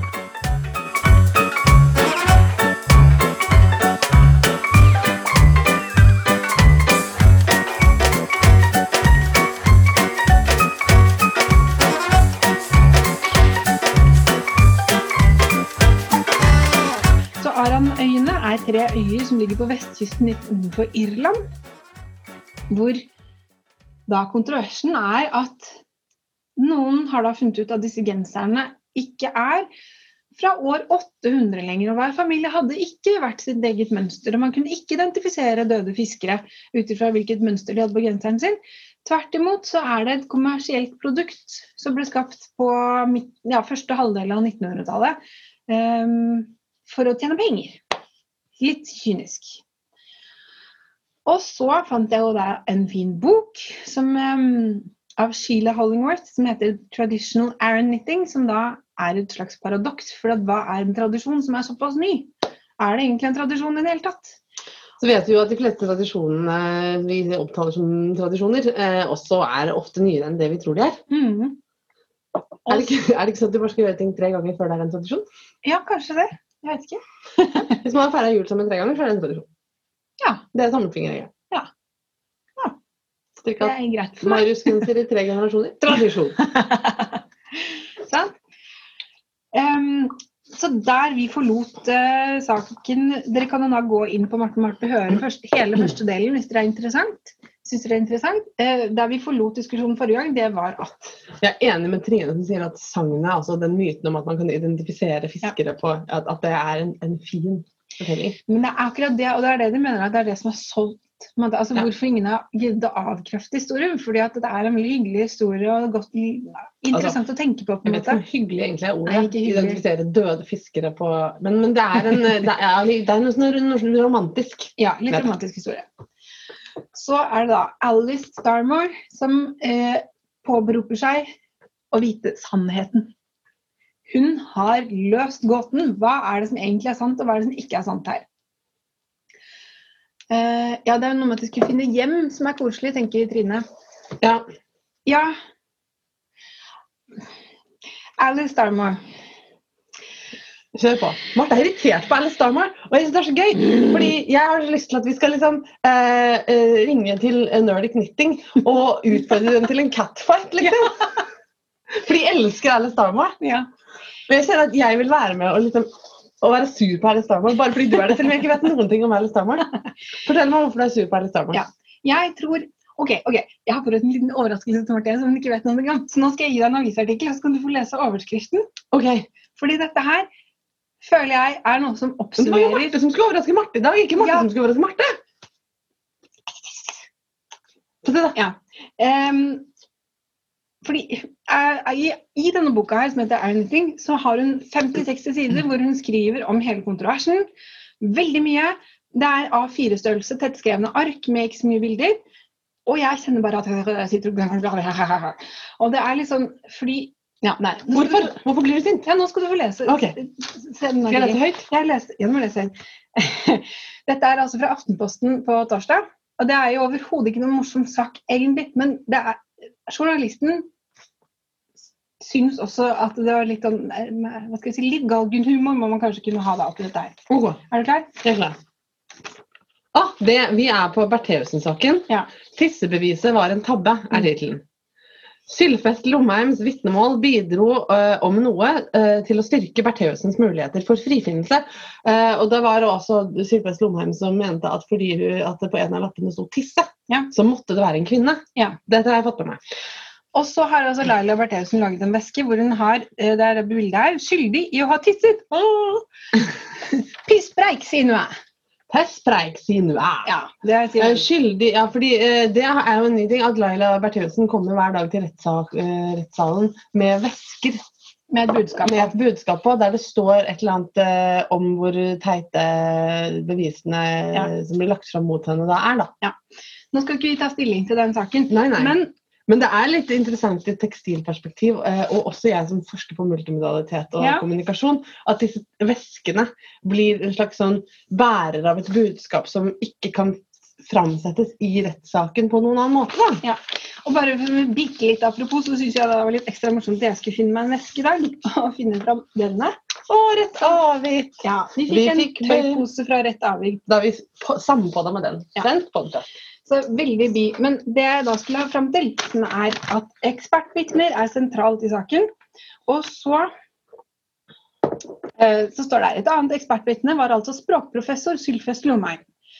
Lomheim mente ut fra språkbruken å være helt sikker på at det var en person med norsk som morsmål, det var en person litt oppi åra, og neppe en mann. Fordi at i ja, på trusselappen hun sa, så var det brukt ordet 'tisse'. Og en mann ville garantert ha valgt et tøffere ord i en trusseltekst. Og så Ja. sier de da i denne artikkelen at eh, når så, eh, Lomheim er så skråsikker på at menn bruker ikke ordet tisse, så blir det veldig lett å ta han på det han sier. Ja. For du kan ikke vite at alle menn i hele verden aldri noensinne ville sagt Nei, og Lise det er heller ikke sånn at er pessa. Nei. Ja, det er, nei, og det er veldig eh, Det er veldig ensidig, herregud. Ja. Eh, og litt Ja. Nå skal vi tilbake til Til Alice Starmore. Starmore. Ja, for det, det er jeg litt usikker på nå. Hva har dette med Alice Starmore å gjøre? Ja. På side 12. Nå har jeg notert meg noen sitater her. Så skriver hun Dette kan ta sin tid. Ja, jeg prøver å gjøre det kort. Men det er så mye å si. Da har vi to sider av historien. sant? Den ene det er at dette er en strikketradisjon som går helt tilbake til Book of Kells, som er skrevet på år 800. Eller at det er noen som har sittet i en fabrikk og strikket gensere i 1950. Ja. Sånn. To ekstremer. Both these extremes avoid the plain truth that it is an art which I created in 1992. Oi! Oi! Det sier Alice Summer. Ja.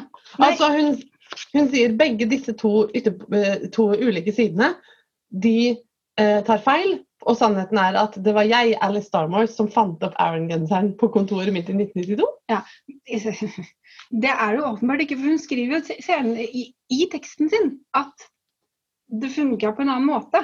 Men det hun mener å si, er at keltisk strikking var det hun som fant opp på sitt kontor i 1992. Ja vel. Oi! Okay. Det er jo Og så ehm, Side 20. Et nytt sitat. It will be noticed that references to Aaron sweaters have been conspicuously lacking, and there's a simple reason for this. They did not exist. Trine eh, skyter inn her, men Elisabeth Zimmerman har jo, har jo en genser på seg på forsiden av Vogue i 1958. Men Trine, må ikke du være vanskelig, da? Jeg fortsetter. syns du skal være Trine. The only knitting that took place in Aran until about 1900 was the knitting of stockings. Ja. Altså, jeg kunne fortsatt. Dette er bortimot 60 Men- sider med påstander, påstander, nevner påstander, Elisabeth Zimmermann, påstander. Zimmerman, Ja. som har en ganske annen stil. da. Ja. Vi er jo Team Zimmermann. Ja. Eh, Hun sa jo aldri at hun hadde funnet på noe som helst. Hun brukte ordet 'anvendt' istedenfor 'innvendt'. For hun mente at det er nesten helt umulig å finne opp noe i strikking. Du har to masker. Man kan drømme om en tredje, men man, eh, den finnes ikke. Det er to typer masker du kan strikke, og det meste man har gjort, har blitt gjort før. Ja. Eh, ja, så det er, eh, Man kan kanskje være såpass eh, krass at man kaller det litt arrogant og mene at man er opphavskvinne til noe som helst. Og så tenker jeg når jeg sitter og leser dette her, at Ja, Trine, jeg skal prøve å roe meg ned, jeg òg.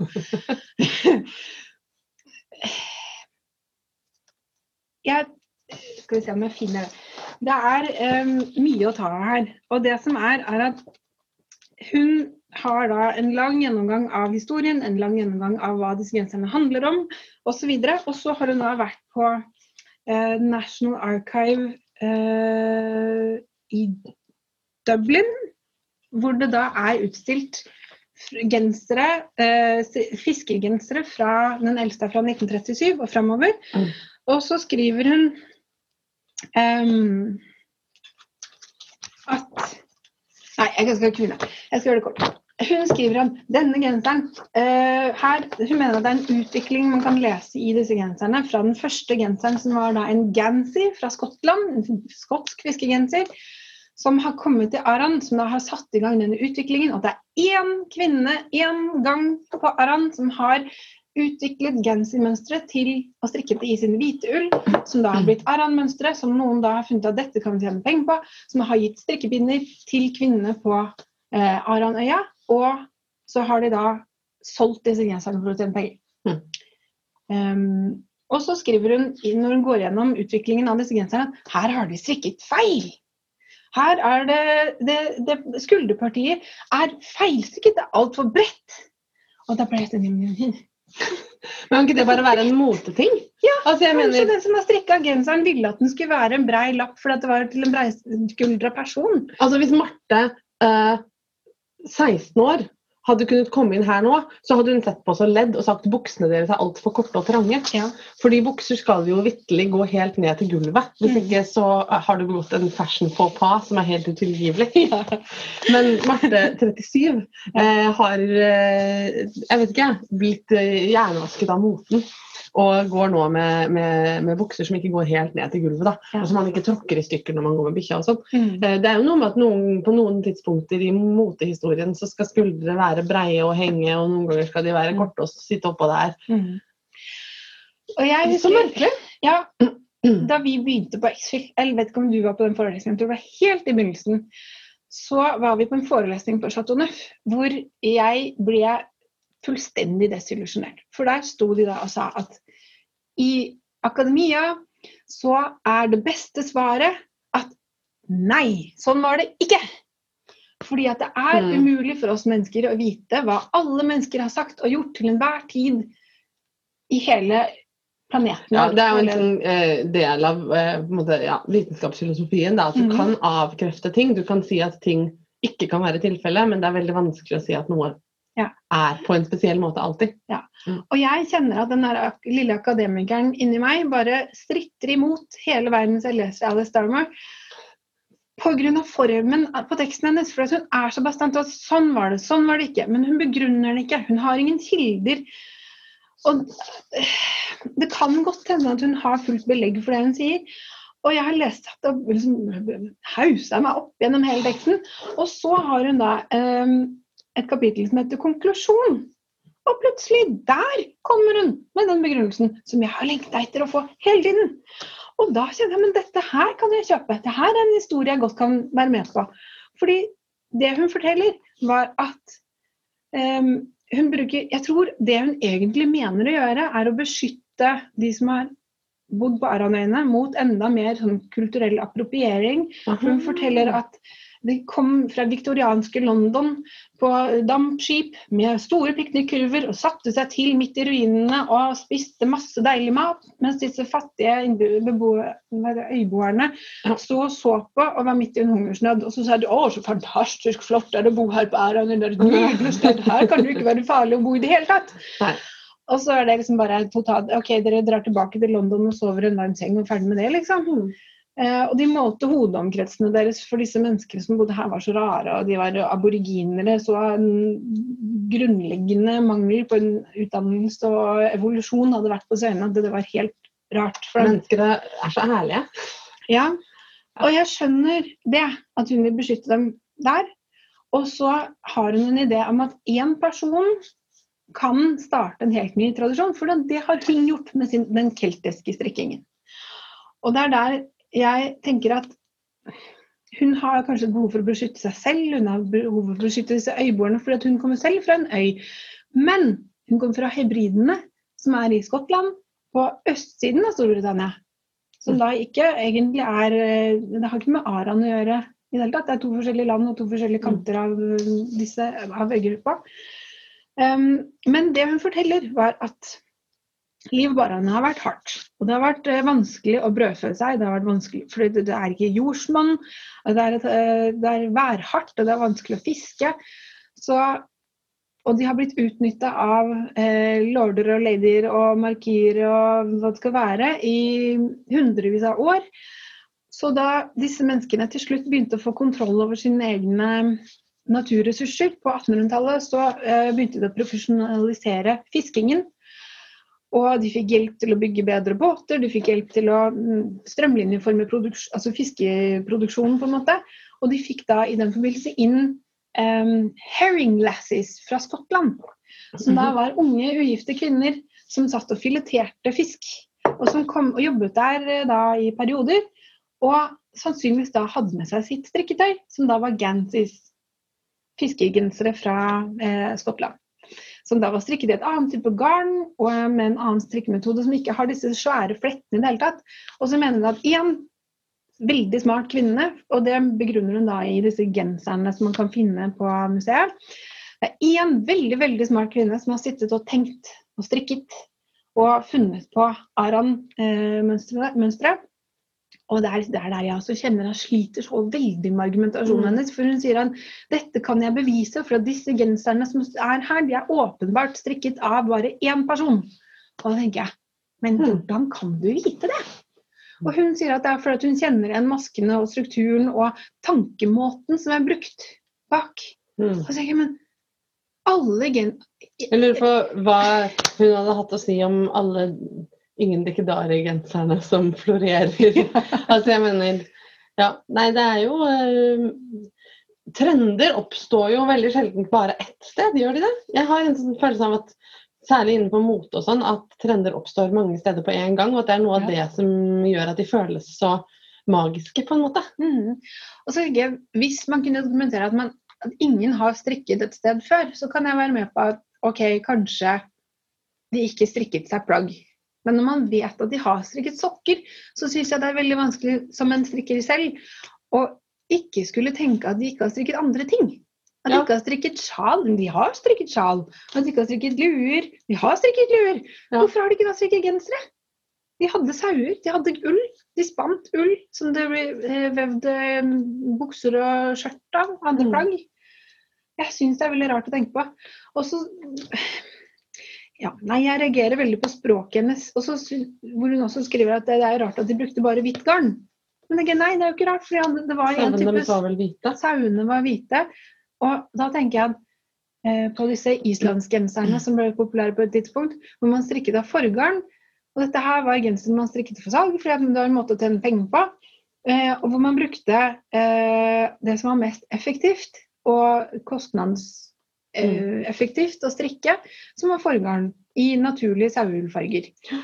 Og, og det som også er faktisk er jo at eh, altså Hvis man begynner å se på virkelig gamle strikkeplagg som man har funnet i graver og sånne ting, eh, ikke bare strikkeplagg, men ullplagg, tekstiler, mm. så er det jo også sånn at um, altså Man regner f.eks. med at den ideen vi har om at på, i vikingtida så gikk folk i grå og bruntoner, mm. er helt feil. At de der, sterke, sterke farger var statussymbol, og at det var mm. det rikfolk ville kledd seg i. Mm. Men de fargene er jo ikke, er jo ikke bestandige. Ja. Sånn at de tekstilene som som har overlevd, de har fått en sånn gråbrun farge. Mm. Uansett hvilken farge de hadde i utgangspunktet. Mm. Fordi eh, altså, det å farge garn sånn at fargen sitter, det er vanskelig. Men man mm. må jo beise garnet og holde på, da. Mm. Men en annen ting som jeg syns er egentlig mye mer interessant å fokusere på, er at jeg kjøper ideen om at The Herring Lassies kom fra Skottland og tok med seg sin strikketradisjon med Gansis og disse damene som allerede kunne strikke på aranøyene fordi de har strikket sokker og litt av hvert, syns dette var kult. De har sittet og snakket sammen og drukket te sammen og lært av hverandre. Au! Ble det hull på fingeren? Igjen. Nei, ja. Jeg får teipen. Ja. jeg har fin teipdispenser. Den er formet som en flamingo og rosa teip. Ja. Er det oh. Mm -hmm. OK, sorry at jeg avbrøt. Ja. Eh, der er det da altså, Det hun bruker som argumentasjon for en del av det, er hva slags nedtegnelser man kan finne. Og eh, det de da eh, har eh, nedtegnet, er at det var covens mye strikkere som de kalte knitting courts. Hvor da altså øy, eh, kvinnene på øyene de eh, ble da eh, fikk pinner og ull å strikke med, og så, de, og så ble det arrangert strikkekonkurranser. Mm til eh, mønstre som da ble satt i kommersiell produksjon. Men når man snakker om kommersiell produksjon, så handler det om at det fortsatt var strikkere som satt hjemme hos seg selv og strikket gensere, men de strikket ikke til sine egne familiemedlemmer, de strikket for salg. Og så tenker jeg det er du ikke noen skam i. Er det noe gærent? Ja, men Det har jo forekommet liksom, eh, altså særlig på de, alle øyene rundt Storbritannia. Det har jo vært en måte å livnære seg på ja. for uh, kvinner. Ja. Mm. Og Poenget er jo at det der, uh, de hadde kompetansen de hadde kunnskapen som skulle til for å strikke avanserte mønstre. Eh, og jeg skjønner ikke da hvorfor Alice Darman bruker så mye tid og energi på um, Og liksom skulle bevise at Å krangle oppi alt dette. Og så helt, helt, helt til slutt, aller siste hun skriver, så kommer svaret. Og det er noe som kanskje jeg, vi er lettere for oss å akseptere nå i dag. For nå har vi mye mer avstand til det, både fysisk og uh, i tid. Og det handler om klasse. Mm. Fordi at uh, Hun har i siste kapittel seks, 'Final Speculation', så skriver hun at um, en siste trist grunn til um, hvorfor hun da mener at denne ene kvinnen, som er navnløs, som er egentlig en teori hun har, eh, fortjener kred for den jobben som er gjort, det er at eh, i både i Skottland og i Irland og i Storbritannia så har man hatt mye fordommer mot disse imbesile øyboerne som ikke som hadde noe utdannelse, og som var eh, det ble kalt navn, og det er jo ikke noe pent eller noe hyggelig. Og så er det da en som har skrevet Mary Thomas, 'Book of Knitting Patterns', som ble gitt ut jeg tror i 1954. Jeg er litt usikker, men det står her. Um, så skriver hun om disse bøndene. Og hun, uh, Alice Darmore gjentar det mange ganger at ordet bonde blir brukt så mange ganger i teksten fordi at det var viktig på den tiden å skille mellom de som var utdannede bymennesker og de som var bønder. Uh, og som da hadde rett og slett med klasse å gjøre. Mm. Så Alice Darmore Eh, Hun skriver til slutt This forgotten knitter's immense achievement would have been devalued by her status as a peasant and as a woman, and her vital contribution quickly ignored or dismissed. Altså denne glemte kvinnens Mm. enorme eh, achievement, Eh, hva hun har oppnådd, liksom. Ja. Ja. det hun har fått til, har blitt devaluert. Ja. Både så, Så det er jo ment som en, sal- på en, måte, en eh, salut til, eh, til de som har eh, De eller hun, som hun mener, da, Mm. som faktisk har funnet opp Aran. Mm. Jeg tror dette kommer fra et godt sted, Marte, selv om Jeg tror det kommer fra et godt sted, men jeg leser det hele tiden bare som at um, Aran-genseren er, er noe tull. Hele veien gjennom. Fordi at den historien som er fortalt rundt, er konstruert. Mm.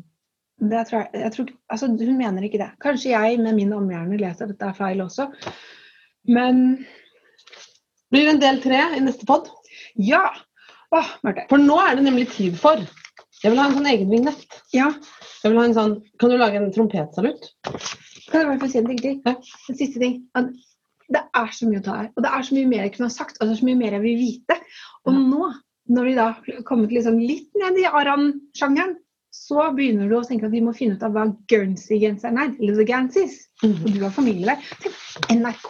Vi må lage en programserie der. Hvem det ikke har lyst til å se på TV-serie hvor vi reiser til Aranøyene eller Guernsey Ja. og snakker med kvinner og strikker?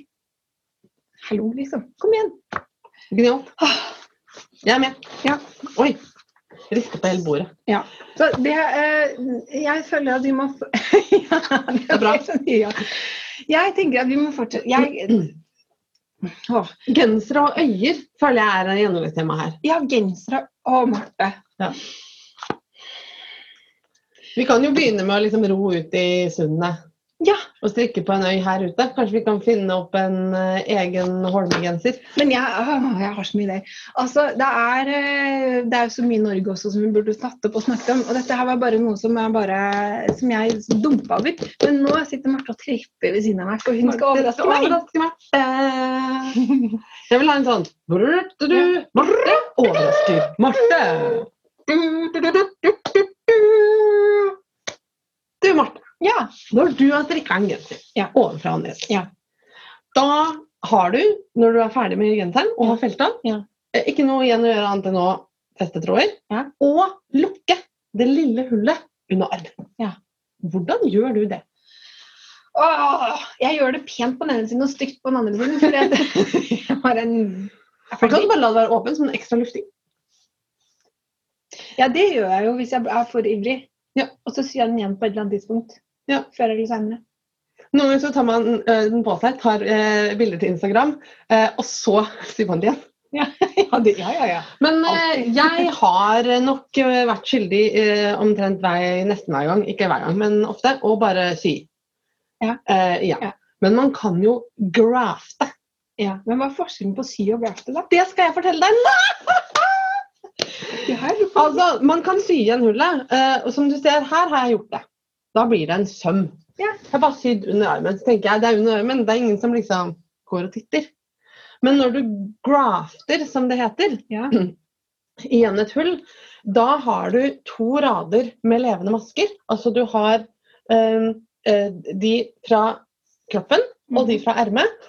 Og så vever du dem på en måte sammen, eller du lager en rad med masker som mangla.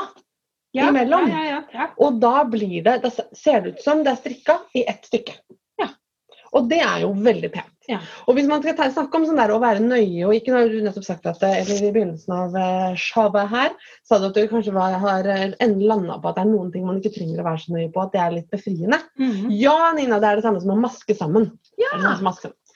Um, og der er det en teknikk som heter kitchen stitch. ja. Og det er det jeg skal overraske deg med nå. Jeg skal nemlig overraske deg med å lære deg hvordan man kan huske utenat hvordan man strikker kitchen stitch. Fordi jeg har gjort det mange ganger. For det er ikke bare under armen man gjør kitchen stitch. Man kan gjøre det på tåa på en sokk. Ja. eh, For å vaske sammen eh, de der sånn at det blir sånn pent. Da ser det ut som den er strikka rundt tåa. Helt magisk. Uh, Og for Får å man ikke sånn dum søm på innsiden som klør på tåa? Nei, fordi det er ikke en søm. ikke sant? Det er jo ca. ett stykke, bare at du lager den tråden. Um, og det er sånn at hver gang jeg skal maske noe sammen, Ja. med hjelp av kitchen stitch, ja. så må jeg google hvordan jeg gjør det. ja. Og jeg har gjort det sikkert 20 ganger. Ja, Og hver gang har jeg googla det. Her er det jo altså 300 masker der og 300 masker der og maske sammen. Ja, og det ser helt sømløst ut. Ja. Men så fantastisk at du hadde på den genseren i dag. Vis det en gang til for denne skjermen. Det ser jo ut som det er strikka i ett stykke, men sannheten er at de er maska sammen midt på stuegulvet. Og denne her har jeg strikka flere ganger. To ganger. Og hver gang så var det OK. Nå skal jeg Så finne er det bare å begynne, da. Og så må jeg sitte og så prøver jeg 15 ganger, og så drikker jeg fem glass vin, og så bare til slutt får jeg det til, og så er jeg veldig sliten. Inni pausefisken min her, nemlig. Ikke fem glass, det var litt mye. Har jeg- jeg Fem glass vin? Nei, gud, da hadde jeg ikke klart å uh, holde strikta engang. Um, Saks. jeg vil ha en kontrastfarge her. Sånn. Hva var det? Garn. Det er, det er en liten garnstump. Ja. Og så må jeg ha en uh, Oi, du tuller ikke med nåler. Nei, jeg har et lite nålebrev med ulike typer nåler. Som man kan trenge. Nå skal jeg lære deg. Jeg har nemlig Så har jeg litt eh, skrevet opp litt ting. Det er litt sånn rosa pelsull. Det er faktisk rosa pelsull. Det er akkurat det der. er Um, jeg kom over dette her når jeg eh, satt og eh, lurte på hva jeg skulle overraske deg med. det sånn kontorstressball? Det kan det være. Det, garn er det beste stressballene. Um, jeg kom over det på Modern Daily Knitting-bloggen. Um, og der lenker de til en YouTube-video av en som heter Laurelie Beltman. Og hun har en YouTube-video som dere der hjemme kan, um, kan uh, søke opp, og den heter 'Memorize the Kitchen Stitch'. Oi!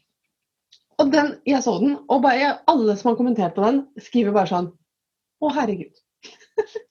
Å, herregud. Er det så lett? For det er så lett. Og det er helt sånn her har, altså, Hvor mange ganger jeg har googla det, jeg vet ikke. Men det er helt sinnssykt mange ganger. Det er hver gang. Hver gang. Nå skal jeg prøve å være like pedagogisk som Laurelie Beltman. Okay. Og så later vi som at jeg skal nå maske sammen her da, på strikketøyet mitt, for det kan man jo. Jeg vil si at jeg skal maske sammen ja. Når du skal maske sammen, i hvert fall, så har du to pinner sånn, med levende maske på. Og da har du det mot deg på en sånn måte at du har rettsiden av det ene, selvfølgelig, mm. og vrangsiden av det andre mot deg. Mm. Og så har du begge pinnespissene pekende i samme retning. Mm. Og så skal du maske de sammen. Og det som er vanskelig å huske, det er jo når skal den inn fra den retningen, og når skal den inn fra den retningen. Ja, ja, ja. Fordi det er jo en teknikk hvor du da trer Nå har jeg brukt en kontrastfarge fordi at det da blir lettere å se. Du trer det på en nål, og så er det sånn at du skal tre inn fra en retning og ta av og la sitte på og tjo og hei. Ikke sant? Mhm. Og det er det som er vanskelig å huske. Når skal du gjøre hva? Ja. Da, Måten å huske det på er sånn her. Hver, på hver, du skal begynne foran, Mhm. nærmest deg. Ja. Og hver gang du skal gjøre noe, så skal du gjøre to ting. Mhm. Du skal tre gjennom og ta av, og du skal tre gjennom og la være på. Mhm. Og så skal du bytte ut den andre pinnen og tre gjennom og ta av, og tre gjennom og la være på. Mm. Dette her er alt du trenger å huske. Når du er på rettsiden, da skal du gjøre rett først, og så vrang. Når du er på vrangsiden, da skal du gjøre vrang først, og så rett. Det vil si at du skal leke at dette er en strikkepinne. Og så skal du ta det gjennom masken som om du skal strikke den rett. Ja. Og da skal den av. Og så rett inn i vrang på den neste, og Ja. den skal sitte på. Ja. Dra igjennom. Og så går vi til andre siden. Og da er jeg på vrangsiden, ikke sant? Da har jeg vrangemaske mot meg. Og da skal jeg gjennom som om jeg skal strikke den vrang. Ta av og rett. Og la være på. Og dra igjennom. Og så må vi holde den på den siden hele tiden. Hjernen Nå? Nå er jeg på Bare liksom- rettsiden igjen. Gjennom rett. Ta av. Og gjennom vrang. La være på. Så Og så er det bare å se på det du har, hvilken pinne du er på. På rett pinn. Og de to geniale tingene som Laurie Batman gjør, det er både den der med å lære deg å huske når det er rett og når det er vrang, Ja. og det at man gjør det i én bevegelse. Så nå, skal, nå er jeg på vrangsiden, og nå vet jeg at jeg er ferdig på rettsiden. Fordi jeg Mm. gjorde begge tingene på én gang. Mm. Så på, for meg så er det ofte sånn at jeg gjør en ting, og så kommer det en unge og drar i noe, og så Ja, når jeg ja, går og gjør noe, så er jeg sånn Men har jeg tatt av nå, eller hadde jeg ikke tatt av nå? Ja, ja, ja. Men man gjør det på likt. Så nå, er det, nå skal jeg på vrangsiden igjen. Og da tar jeg jeg må snu meg sånn at de som ser jeg på kan se. Da tar jeg som om jeg skal strikke den vrang, tar den av og rett gjennom, og så drar jeg gjennom. Så nå har jeg gjort vrangsiden. Pass på at den er på utsiden. Så vet du alltid. Og nå skal jeg på rettsiden igjen. Da tar jeg gjennom, tar av, og så rett gjennom som om jeg skal strikke den masken vrang. Ja. Og så drar jeg gjennom. Og det man ser nå da, nå skal jeg bare gjøre det kjapt et par ganger til, sånn at jeg kan vise hvordan det blir, siden jeg har kontrastfarge. Men Marte, kjenner du ikke? Kjenner du at dette var fint, eller? Ja, ja, ja. Hjernen min bare liksom Og vet du hva? Altså, vi kommer aldri til å måtte google Kitchener Stitch igjen. Nei. For når du har rettmasker mot deg, rett, vrang. Når du har vrangmasker mot deg, vrang, rett. Det føles logisk, liksom. Vet du hva? Da tenker jeg enda enklere for meg å huske. Når du har rett mot deg, rett. Vrang, vrang. Ja, men det er jo det For som den er andre, den følger jo bare med, liksom. Ja, det er det motsatte. Sant? Ja, men den masken det det er alltid to masker du skal noe på. Og så er det sånn at uh, i, når man gjør uh, dette her, så har man ofte en sånn setup round, den har ikke jeg vist nå, hvor Mm. man ikke tar noen masker av. Um, og det er uh, mange som uh, mener da at hvis man bare dropper den setup, og bare gjør akkurat det som jeg har gjort her nå, Mm. da får man uh, ikke de derre hullene, du vet, i hver ende. Ja. Skjønner jeg mener? Ja. Sånn som den genseren jeg har på meg nå, tror jeg har et lite hull der. ja. Et lite hull. Eh, som jeg ikke har giddet å lukke. Ja. Eh, fordi at når du masker sammen, så eh, blir det gjerne et hull i hver ende. Men det, nå har jeg ikke gjort setup brand. Det det ja. Og ser du her? Ikke noe hull. Hvis jeg Ja. drar disse ut nå, så kan jeg vise Her. Kommenterte Gunhild. Tusen takk, det greide du å forklare på en billedlig måte. Og så nå, Det er veldig vanskelig å vise det ordentlig i Zoom. Ja. Men eh, i hvert fall Fordi så at han zoomer ikke. Det er Horten, i Horten, vi zoomer i zoom. Ja da. Nei, men, nå, eh, men det som skjer, da, er at de legger seg akkurat som masker. Sånn at når man strikker med, eh, eller masker sammen med samme garn som man strikker i, så blir det usynlig. Ja. Her er det en som spør, eh, for en som muligens ikke husker dette til neste gang, et armhule skal sy sammen, hvor fant du det? På YouTube? Ja, du kan google, eller du kan gå inn på YouTube og søke på Jeg skriver det i chatten her nå. Memorize Kitchener Stitch. Heter YouTube-videoen. Mm. Uh, nei, altså den heter faktisk Memorize the Kitchener Stitch. Men jeg regner med du får det opp som treff. Eh, For meg så var det sånn OK, jeg trenger aldri google dette igjen. Og jeg fatter ikke hvorfor jeg ikke har skjønt dette før. Nei.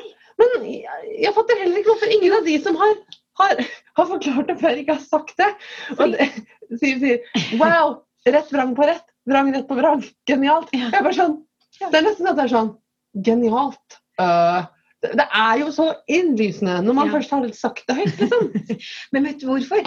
Det er fordi at Når man skal prøve å forklare dette med ord eller tekst, så er det komplisert å bruke få ord og har Ja. forklart det riktig. Og da, blir, da, da forsvinner det litt, kanskje. I, Stakk meg eh, puppen med strikkepinn. ja, det var ikke så lurt. Det var litt bare- Ja, så da er det litt vanskelig å um, Fisken er forresten eh, innkjøpt på Makeri 14 i Stockholm. Veldig søt liten strikkefisk. Veldig fin, veldig fin fisk. Ja, jeg har litt for mye i fisken, men eh, den er litt mett. Sånn. Stappmett, men den er veldig fin. Men var det bra eh, overraskelsesting, eller? Ja, det var en dødsbra overraskelse, Marte. Jeg følte at den var litt sånn eh, en nyttig Ja, overraskelse. og veldig mye kortere enn min. Er veldig, veldig. Eh, men eh, en liten var fugl hadde hvisket meg i øret at det kunne hende at du kom til å ta opp en halvtime av denne podkasten med Aron Gushing også. Så eh, ja. Så jeg, det var en kort overraskelse denne gangen. Ja. Men den var eh, likevel, eh, følte jeg, så, så eh, banebrytende og så lettende, Ja. på en måte. Men det er jo gjerne sånn med de tingene som er sånn helt geniale, at de egentlig er litt innlysende. Bare at man Ja. må liksom Ja, jeg vet ikke. Det var fint. Nydelig. Vi har et kvarter eh, igjen, og det er perfekt eh, mengde tid til å avslutte på. Mhm. Hvis dere har noen spørsmål til oss som dere vil at vi skal adressere før vi går videre, eller noe sånt, så smell dem inn i, i eh, chatten nå. Mm -hmm. uh, ja, det er veldig hyggelig å se at folk sier sånn uh, at det var kult. Ja. Eh, at det med, Kitchen Stitch. Fordi jeg syntes det var så innmari kult. Så det hadde vært litt dumt nå hvis alle kommentarene som kom var sånn Jeg skjønte ingenting. Eh, men hvis du sitter hjemme og ikke skjønte noen ting, så kan du også få instruksjoner av Lorley Beltman istedenfor Martha Burgess, hvis du syns hun er en bedre pedagog, som du kanskje er. Nei, jeg er jo pedagog av yrke. Ja, du er kjempegod pedagog, Marte. Um, Alltime favoritt-strikkeplagg. Da kan du tenke på det mens jeg svarer på hva var navnet på den japanske designeren. Det kan vi også f.eks. skrive i chatten. Så Men all time favoritt-strikkeplagg Altså, ja, jeg kan svare på altså, Jeg sa vel allerede at den jakka som jeg har strikka, eh, i uh, Pure Wool Mm. Og den er strikka etter Der har jeg bare brukt den, den Ragland-kalkulatoren som ligger på um, Som du kan få gratis på Ravelry, som heter The Incredible Custom Fit Raglan. Det er rett og slett en, et dokument hvor du eh, plotter inn strikkefasthet og, og mål, og så regner den ut for deg hvor mange masker du skal legge opp for å starte en Raglan-genser. Og da kan du lage genser eller jakke som du vil, selvfølgelig. Um, det var første gang jeg strikka Raglan, så lagde jeg den jakka. Og det er min, eh, mitt ultimate strikkeplagg, tror jeg. Nå konsentrerer jeg Og så herlig at. Siv spør om hva er neste plagg som skal på pinne, siden det var det jeg tenkte vi skulle snakke om nå. Ja. Hva vi skal, eh, hva vi ønsker å det det er kanskje egentlig to forskjellige spørsmål, Marte. Hva Mm. vi helst vil strikke nå, og hva vi skal strikke nå. I hvert fall for meg er det av en eller annen grunn ikke alltid sammenfallende. Nei. Nei, det er aldri sammenfallende for meg. Jeg har altså sånne strikkedagbøker og sånne ting. Det er bare Jeg elsker ideen, for at jeg elsker pene bøker og skrive ting i det. Men det som alltid skjer, det er sånn som notatbok jeg har her. Jeg har skrevet fire-fem sider i begynnelsen, og så kommer jeg sikkert til å glemme at jeg har den, og så begynner jeg på en ny bok, og så Mm. Ja. Det er bare Jeg følger aldri planene mine. Men um, Men mine planer nå Jeg har um, Jeg føler at jeg også har dette hvert år. Eh, men jeg har en slags sånn derre eh, Når det begynner å nærme seg jul, så får jeg en sånn derre Hva om jeg bare strikker dritmange votter? og så har jeg, kan jeg gi de bort til jul. Og så vet vi jo alle sammen at det ikke kommer til å skje. Mm. Fordi at eh, jeg kommer bare til å strikke på gensere til meg selv. Så, men, men i en ideell verden så hadde jeg skullet Men jeg har et slags sånn vottesug allikevel, skjønner du. Um, jeg har lyst til å strikke votter i flerfargestrikk. Um, men ikke nødvendigvis da massevis sånn at jeg kan gi bort til jul, fordi at jeg tror ikke noe på at det kommer til å skje. Um, men, eh, men jeg har lyst til å strikke votter til meg sjøl. Ja. Um, kanskje et par til Anne. Ja. Et par til Tomine fordi uh, hun har bedt om det. Uh, og hun har også bedt om en annen ting. Hun har bedt om ikke jeg kan strikke poncho til henne. Og når min datter ber meg strikke poncho, så blir jeg jo litt sånn åh, hun vil ha poncho! Ja. Hun er sin mors datter. Um, men hun um, uh, har vært litt spesifikk sine ønsker, og det er ikke alltid lurt når man ber om ting. Hun har sånn, hun vil ha poncho med rev på. Oi. Det blir veldig fint, da, sikkert. Ja. Men jeg er sånn her, å, hun vil helst ha liksom poncho med én rev på. skjønner? Og da må vi på med intarsia. Nei, nei, maskesting. Strikke en poncho, så broderer du rett på om du gidder. Det er gøy! Men jeg tenkte kanskje heller at jeg kunne bare kjøre eh, med flotteringer og strikke rever rundt. Ja. Og strikke en slags rundfelt sal da, med Ja. rever på. Ja. Og så bygge den bare ut som en poncho. Det var lurt. Kanskje det blir det. Ja. Eh, da må jeg finne en revediagram med ikke altfor lange flotteringer. Mm. For jeg er så dårlig på lange flotteringer. Men som du hører, så er jeg ikke sånn dritmotivert, da. Nei. Men, eh, men eh, ut, ja, ja, det var det jeg kjente. Det er sånn burdestrikk. Eh, det jeg har lyst til, derimot, er å strikke sånn eh, piptopp. Ja. Singlet, rett og slett. ja. I eh, Værbittdesign. Ja. Og jeg har lyst til å strikke mange. I flere farger. Ja. Det eneste problemet er at de skal strikkes på tynne pinner og med tynt garn. Ja. Og det alt jeg strikker nå, er i det. Så det føles ulogisk å legge opp ett Altså jeg strikker, to, strikker på to ting nå, Mhm. og de er på tynt garn, tynne pinner. Og da føles det så ulogisk å legge opp til en til. Ja. Eh, men så har jeg også et annet veldig lystbetont prosjekt som jeg har lyst til å strikke på. Um, eller lyst til å legge opp til. Og det er eh, i f.eks. i det burgunderrøde eh, finullgarnet jeg har fått av min søster. Ja. For jeg kom på Det var Rauma finull, ikke PT2. Um, men det er jo samme garnet, mer eller mindre. Ja, nå heter det Finull PT2 nå. Ok, ok, det er samme garn, ikke bare mer eller mindre. Nei, de har kjøpt opp Uh, Nettopp. og jeg har lyst til Dette er sånn evig eh, ting jeg alltid har sagt at jeg vil uh, strikke. Altså en helt enkel um, genser i én farge. På tynt garn, men med litt tjukke pinner, så at det blir litt luftig. Altså ikke tjukke, tjukke pinner, men kanskje pinne fire, da. Skjønner? Ja, det er tjukt nok, det. Ja, og da går det litt fortere også. Og så at den bare er sånn Fordi det som er når man strikker med finull på, på pinne fire, så blir det sånn Det veier ingenting. Sant? Ja. Mm. Um, og denne her genseren eh, er på en måte litt sånn, bare at den er strikka på pinne to og en halv, og da blir den ikke sånn luftig. Så den her er jo en trøye, liksom. Ja. Uh, ja. ja, sant. Mhm. Ja. Du svarte på den som spurte om eh, The Incredible Custom Fit Raglan. Ja. Man kan også søke på den i Ravelry, og så blir det lenka til den siden. Men Ja. du kan også søke rett.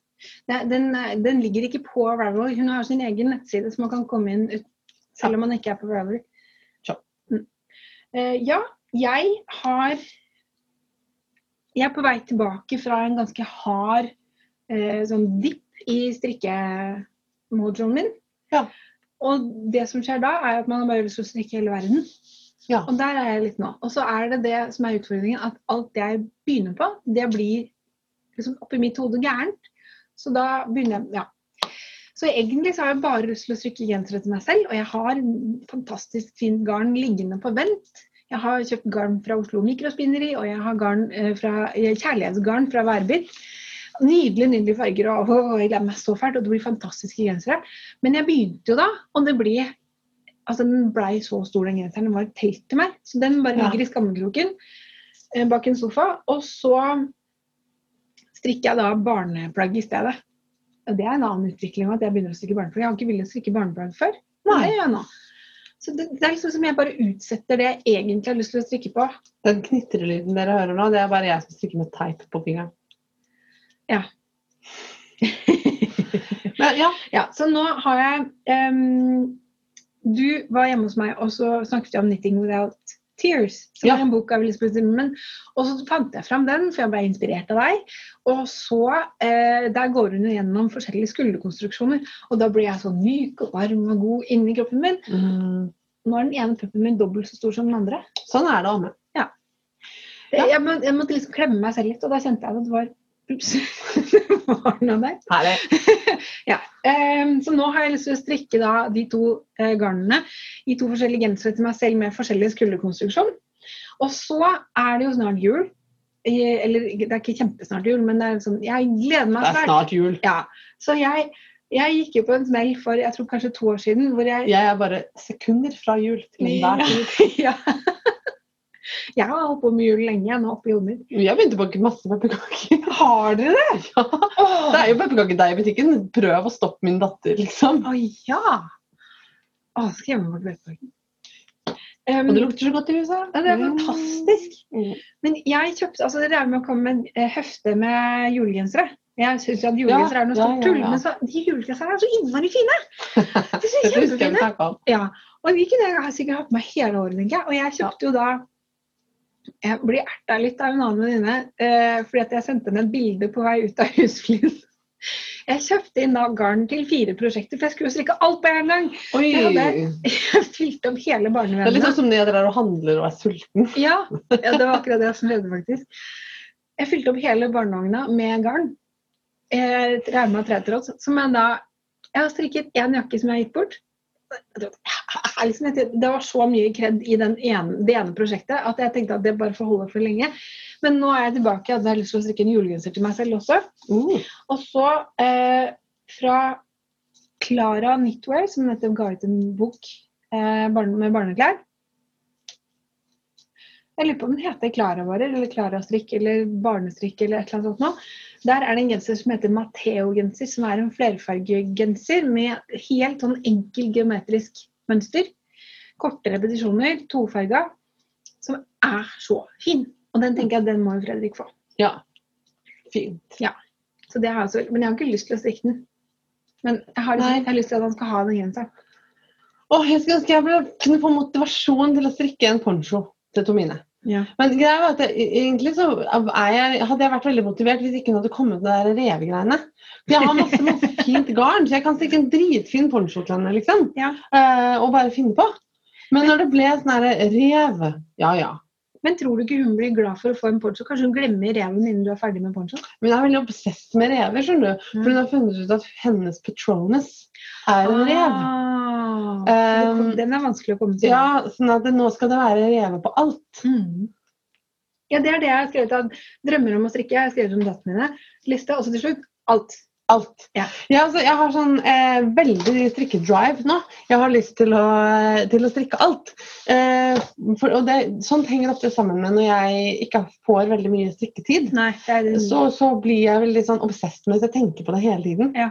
Tenker på strikking mye. ja. Men eh, du, vet du hva? Vi har bare noen minutter igjen, og jeg har glemt Jeg skal fortelle deg noe! Jeg skal fortelle deg noe! Jeg skal jo fortelle deg noe! Åh! Fordi jeg har en ting jeg har lyst til å gjøre som ikke er en strikke. Ja. Jeg har nemlig kjøpt meg en rock! En til! Altså, jeg, har, ja! jeg har en rock fra før, men den ble laget til min bestemor da hun begynte på husflidsskole. Eh, og den er håndlaget og sånn. Og den er innmari gammel og innmari eh, rickety, så den spinner ikke så veldig jevnt.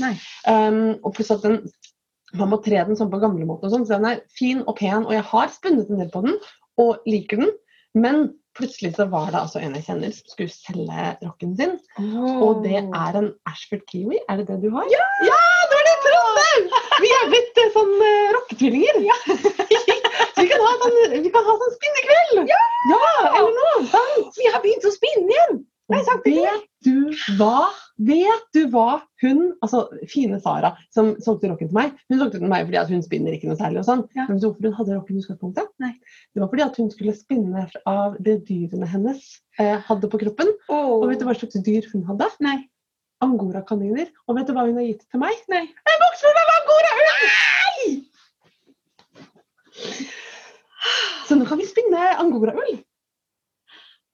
Du hva jeg har hengende i garasjen? Nei, Det måtte henges opp der, for det lukter så intenst. En sauefell. er det sant? Ja! Oi! Sau fra Voss. Nei, men vi, vi, må, vi må spinne med skal spinne, sammen. For det er lenge til jeg har spunnet, og det er fryktelig fryktelig vanskelig å spinne med ettåring. Det hjelper så innmari mye til. Vi har fått rockehilsen fra Hanne Borne. det rocker. Så må vi spinne live. Livespinning. Ja. Og Da dette er en type spinning jeg kan like. Ja, ja. Vi, eh, vi, må, vi må få litt eh, spinn på spinninga. ja. Eh, og så tenker jeg at da må vi ut av husene våre. ja. Fordi at vi har for mye unger til at det går an å spinne hjemme så veldig mye. Jeg kan Ja. spinne når de har lagt seg. ja. Frida, hvis hun får sitte i vippestolen, så er hun helt sånn Sitter og ser på rock'n'roll. Ja, du har, no, du har kanskje en måned til med det. Ja, Kanskje. Kanskje. Jo, altså, han vil bare Ja, Dra i sikkert, eh, Ja. ja. Oi. Dytte på bordet. Unnskyld. Å, Marte, nå kjenner jeg at jeg er litt sånn sliten. Åh, men nå er klokka to, Ja. og vi får ikke lov å, å være her mer. Nei. eh, holdt jeg på å si. Men eh, hvis dere ikke allerede gjør det, så følg oss eh, på Facebook og på Instagram. Ja. Eh, på Facebook har vi en Marte Marte-side. På Instagram har vi bare våre private kontoer. Marvoll og Marte Nitz. Um, og så er det så, så koselig å eh, se alt, alt dere skriver, alle de hyggelige tingene dere skriver i Ja, chatten. veldig, veldig Og dette var veldig gøy og koselig. Kos dere på resten av Stavanger strikkefestival. Det er så mye gøy. Jeg skulle ønske jeg hadde tid til å høre på alt og være med på alt som skal skje. Um, sant? Ja. Takk for at vi fikk være med, Guro. Ja, tusen Ja, jeg ville bare si tusen takk for en kjempefin livepod. Og jeg tror eh, jeg snakker for mange her som gjerne kunne ønske ønsket å se dere mer, eh, og ikke bare høre dere, mener jeg. Så jeg håper dere kan legge noe på YouTube, og så vi får sett de søte fjesene mer. Og hvis man visste hvordan vi vanligvis ser ut når vi podder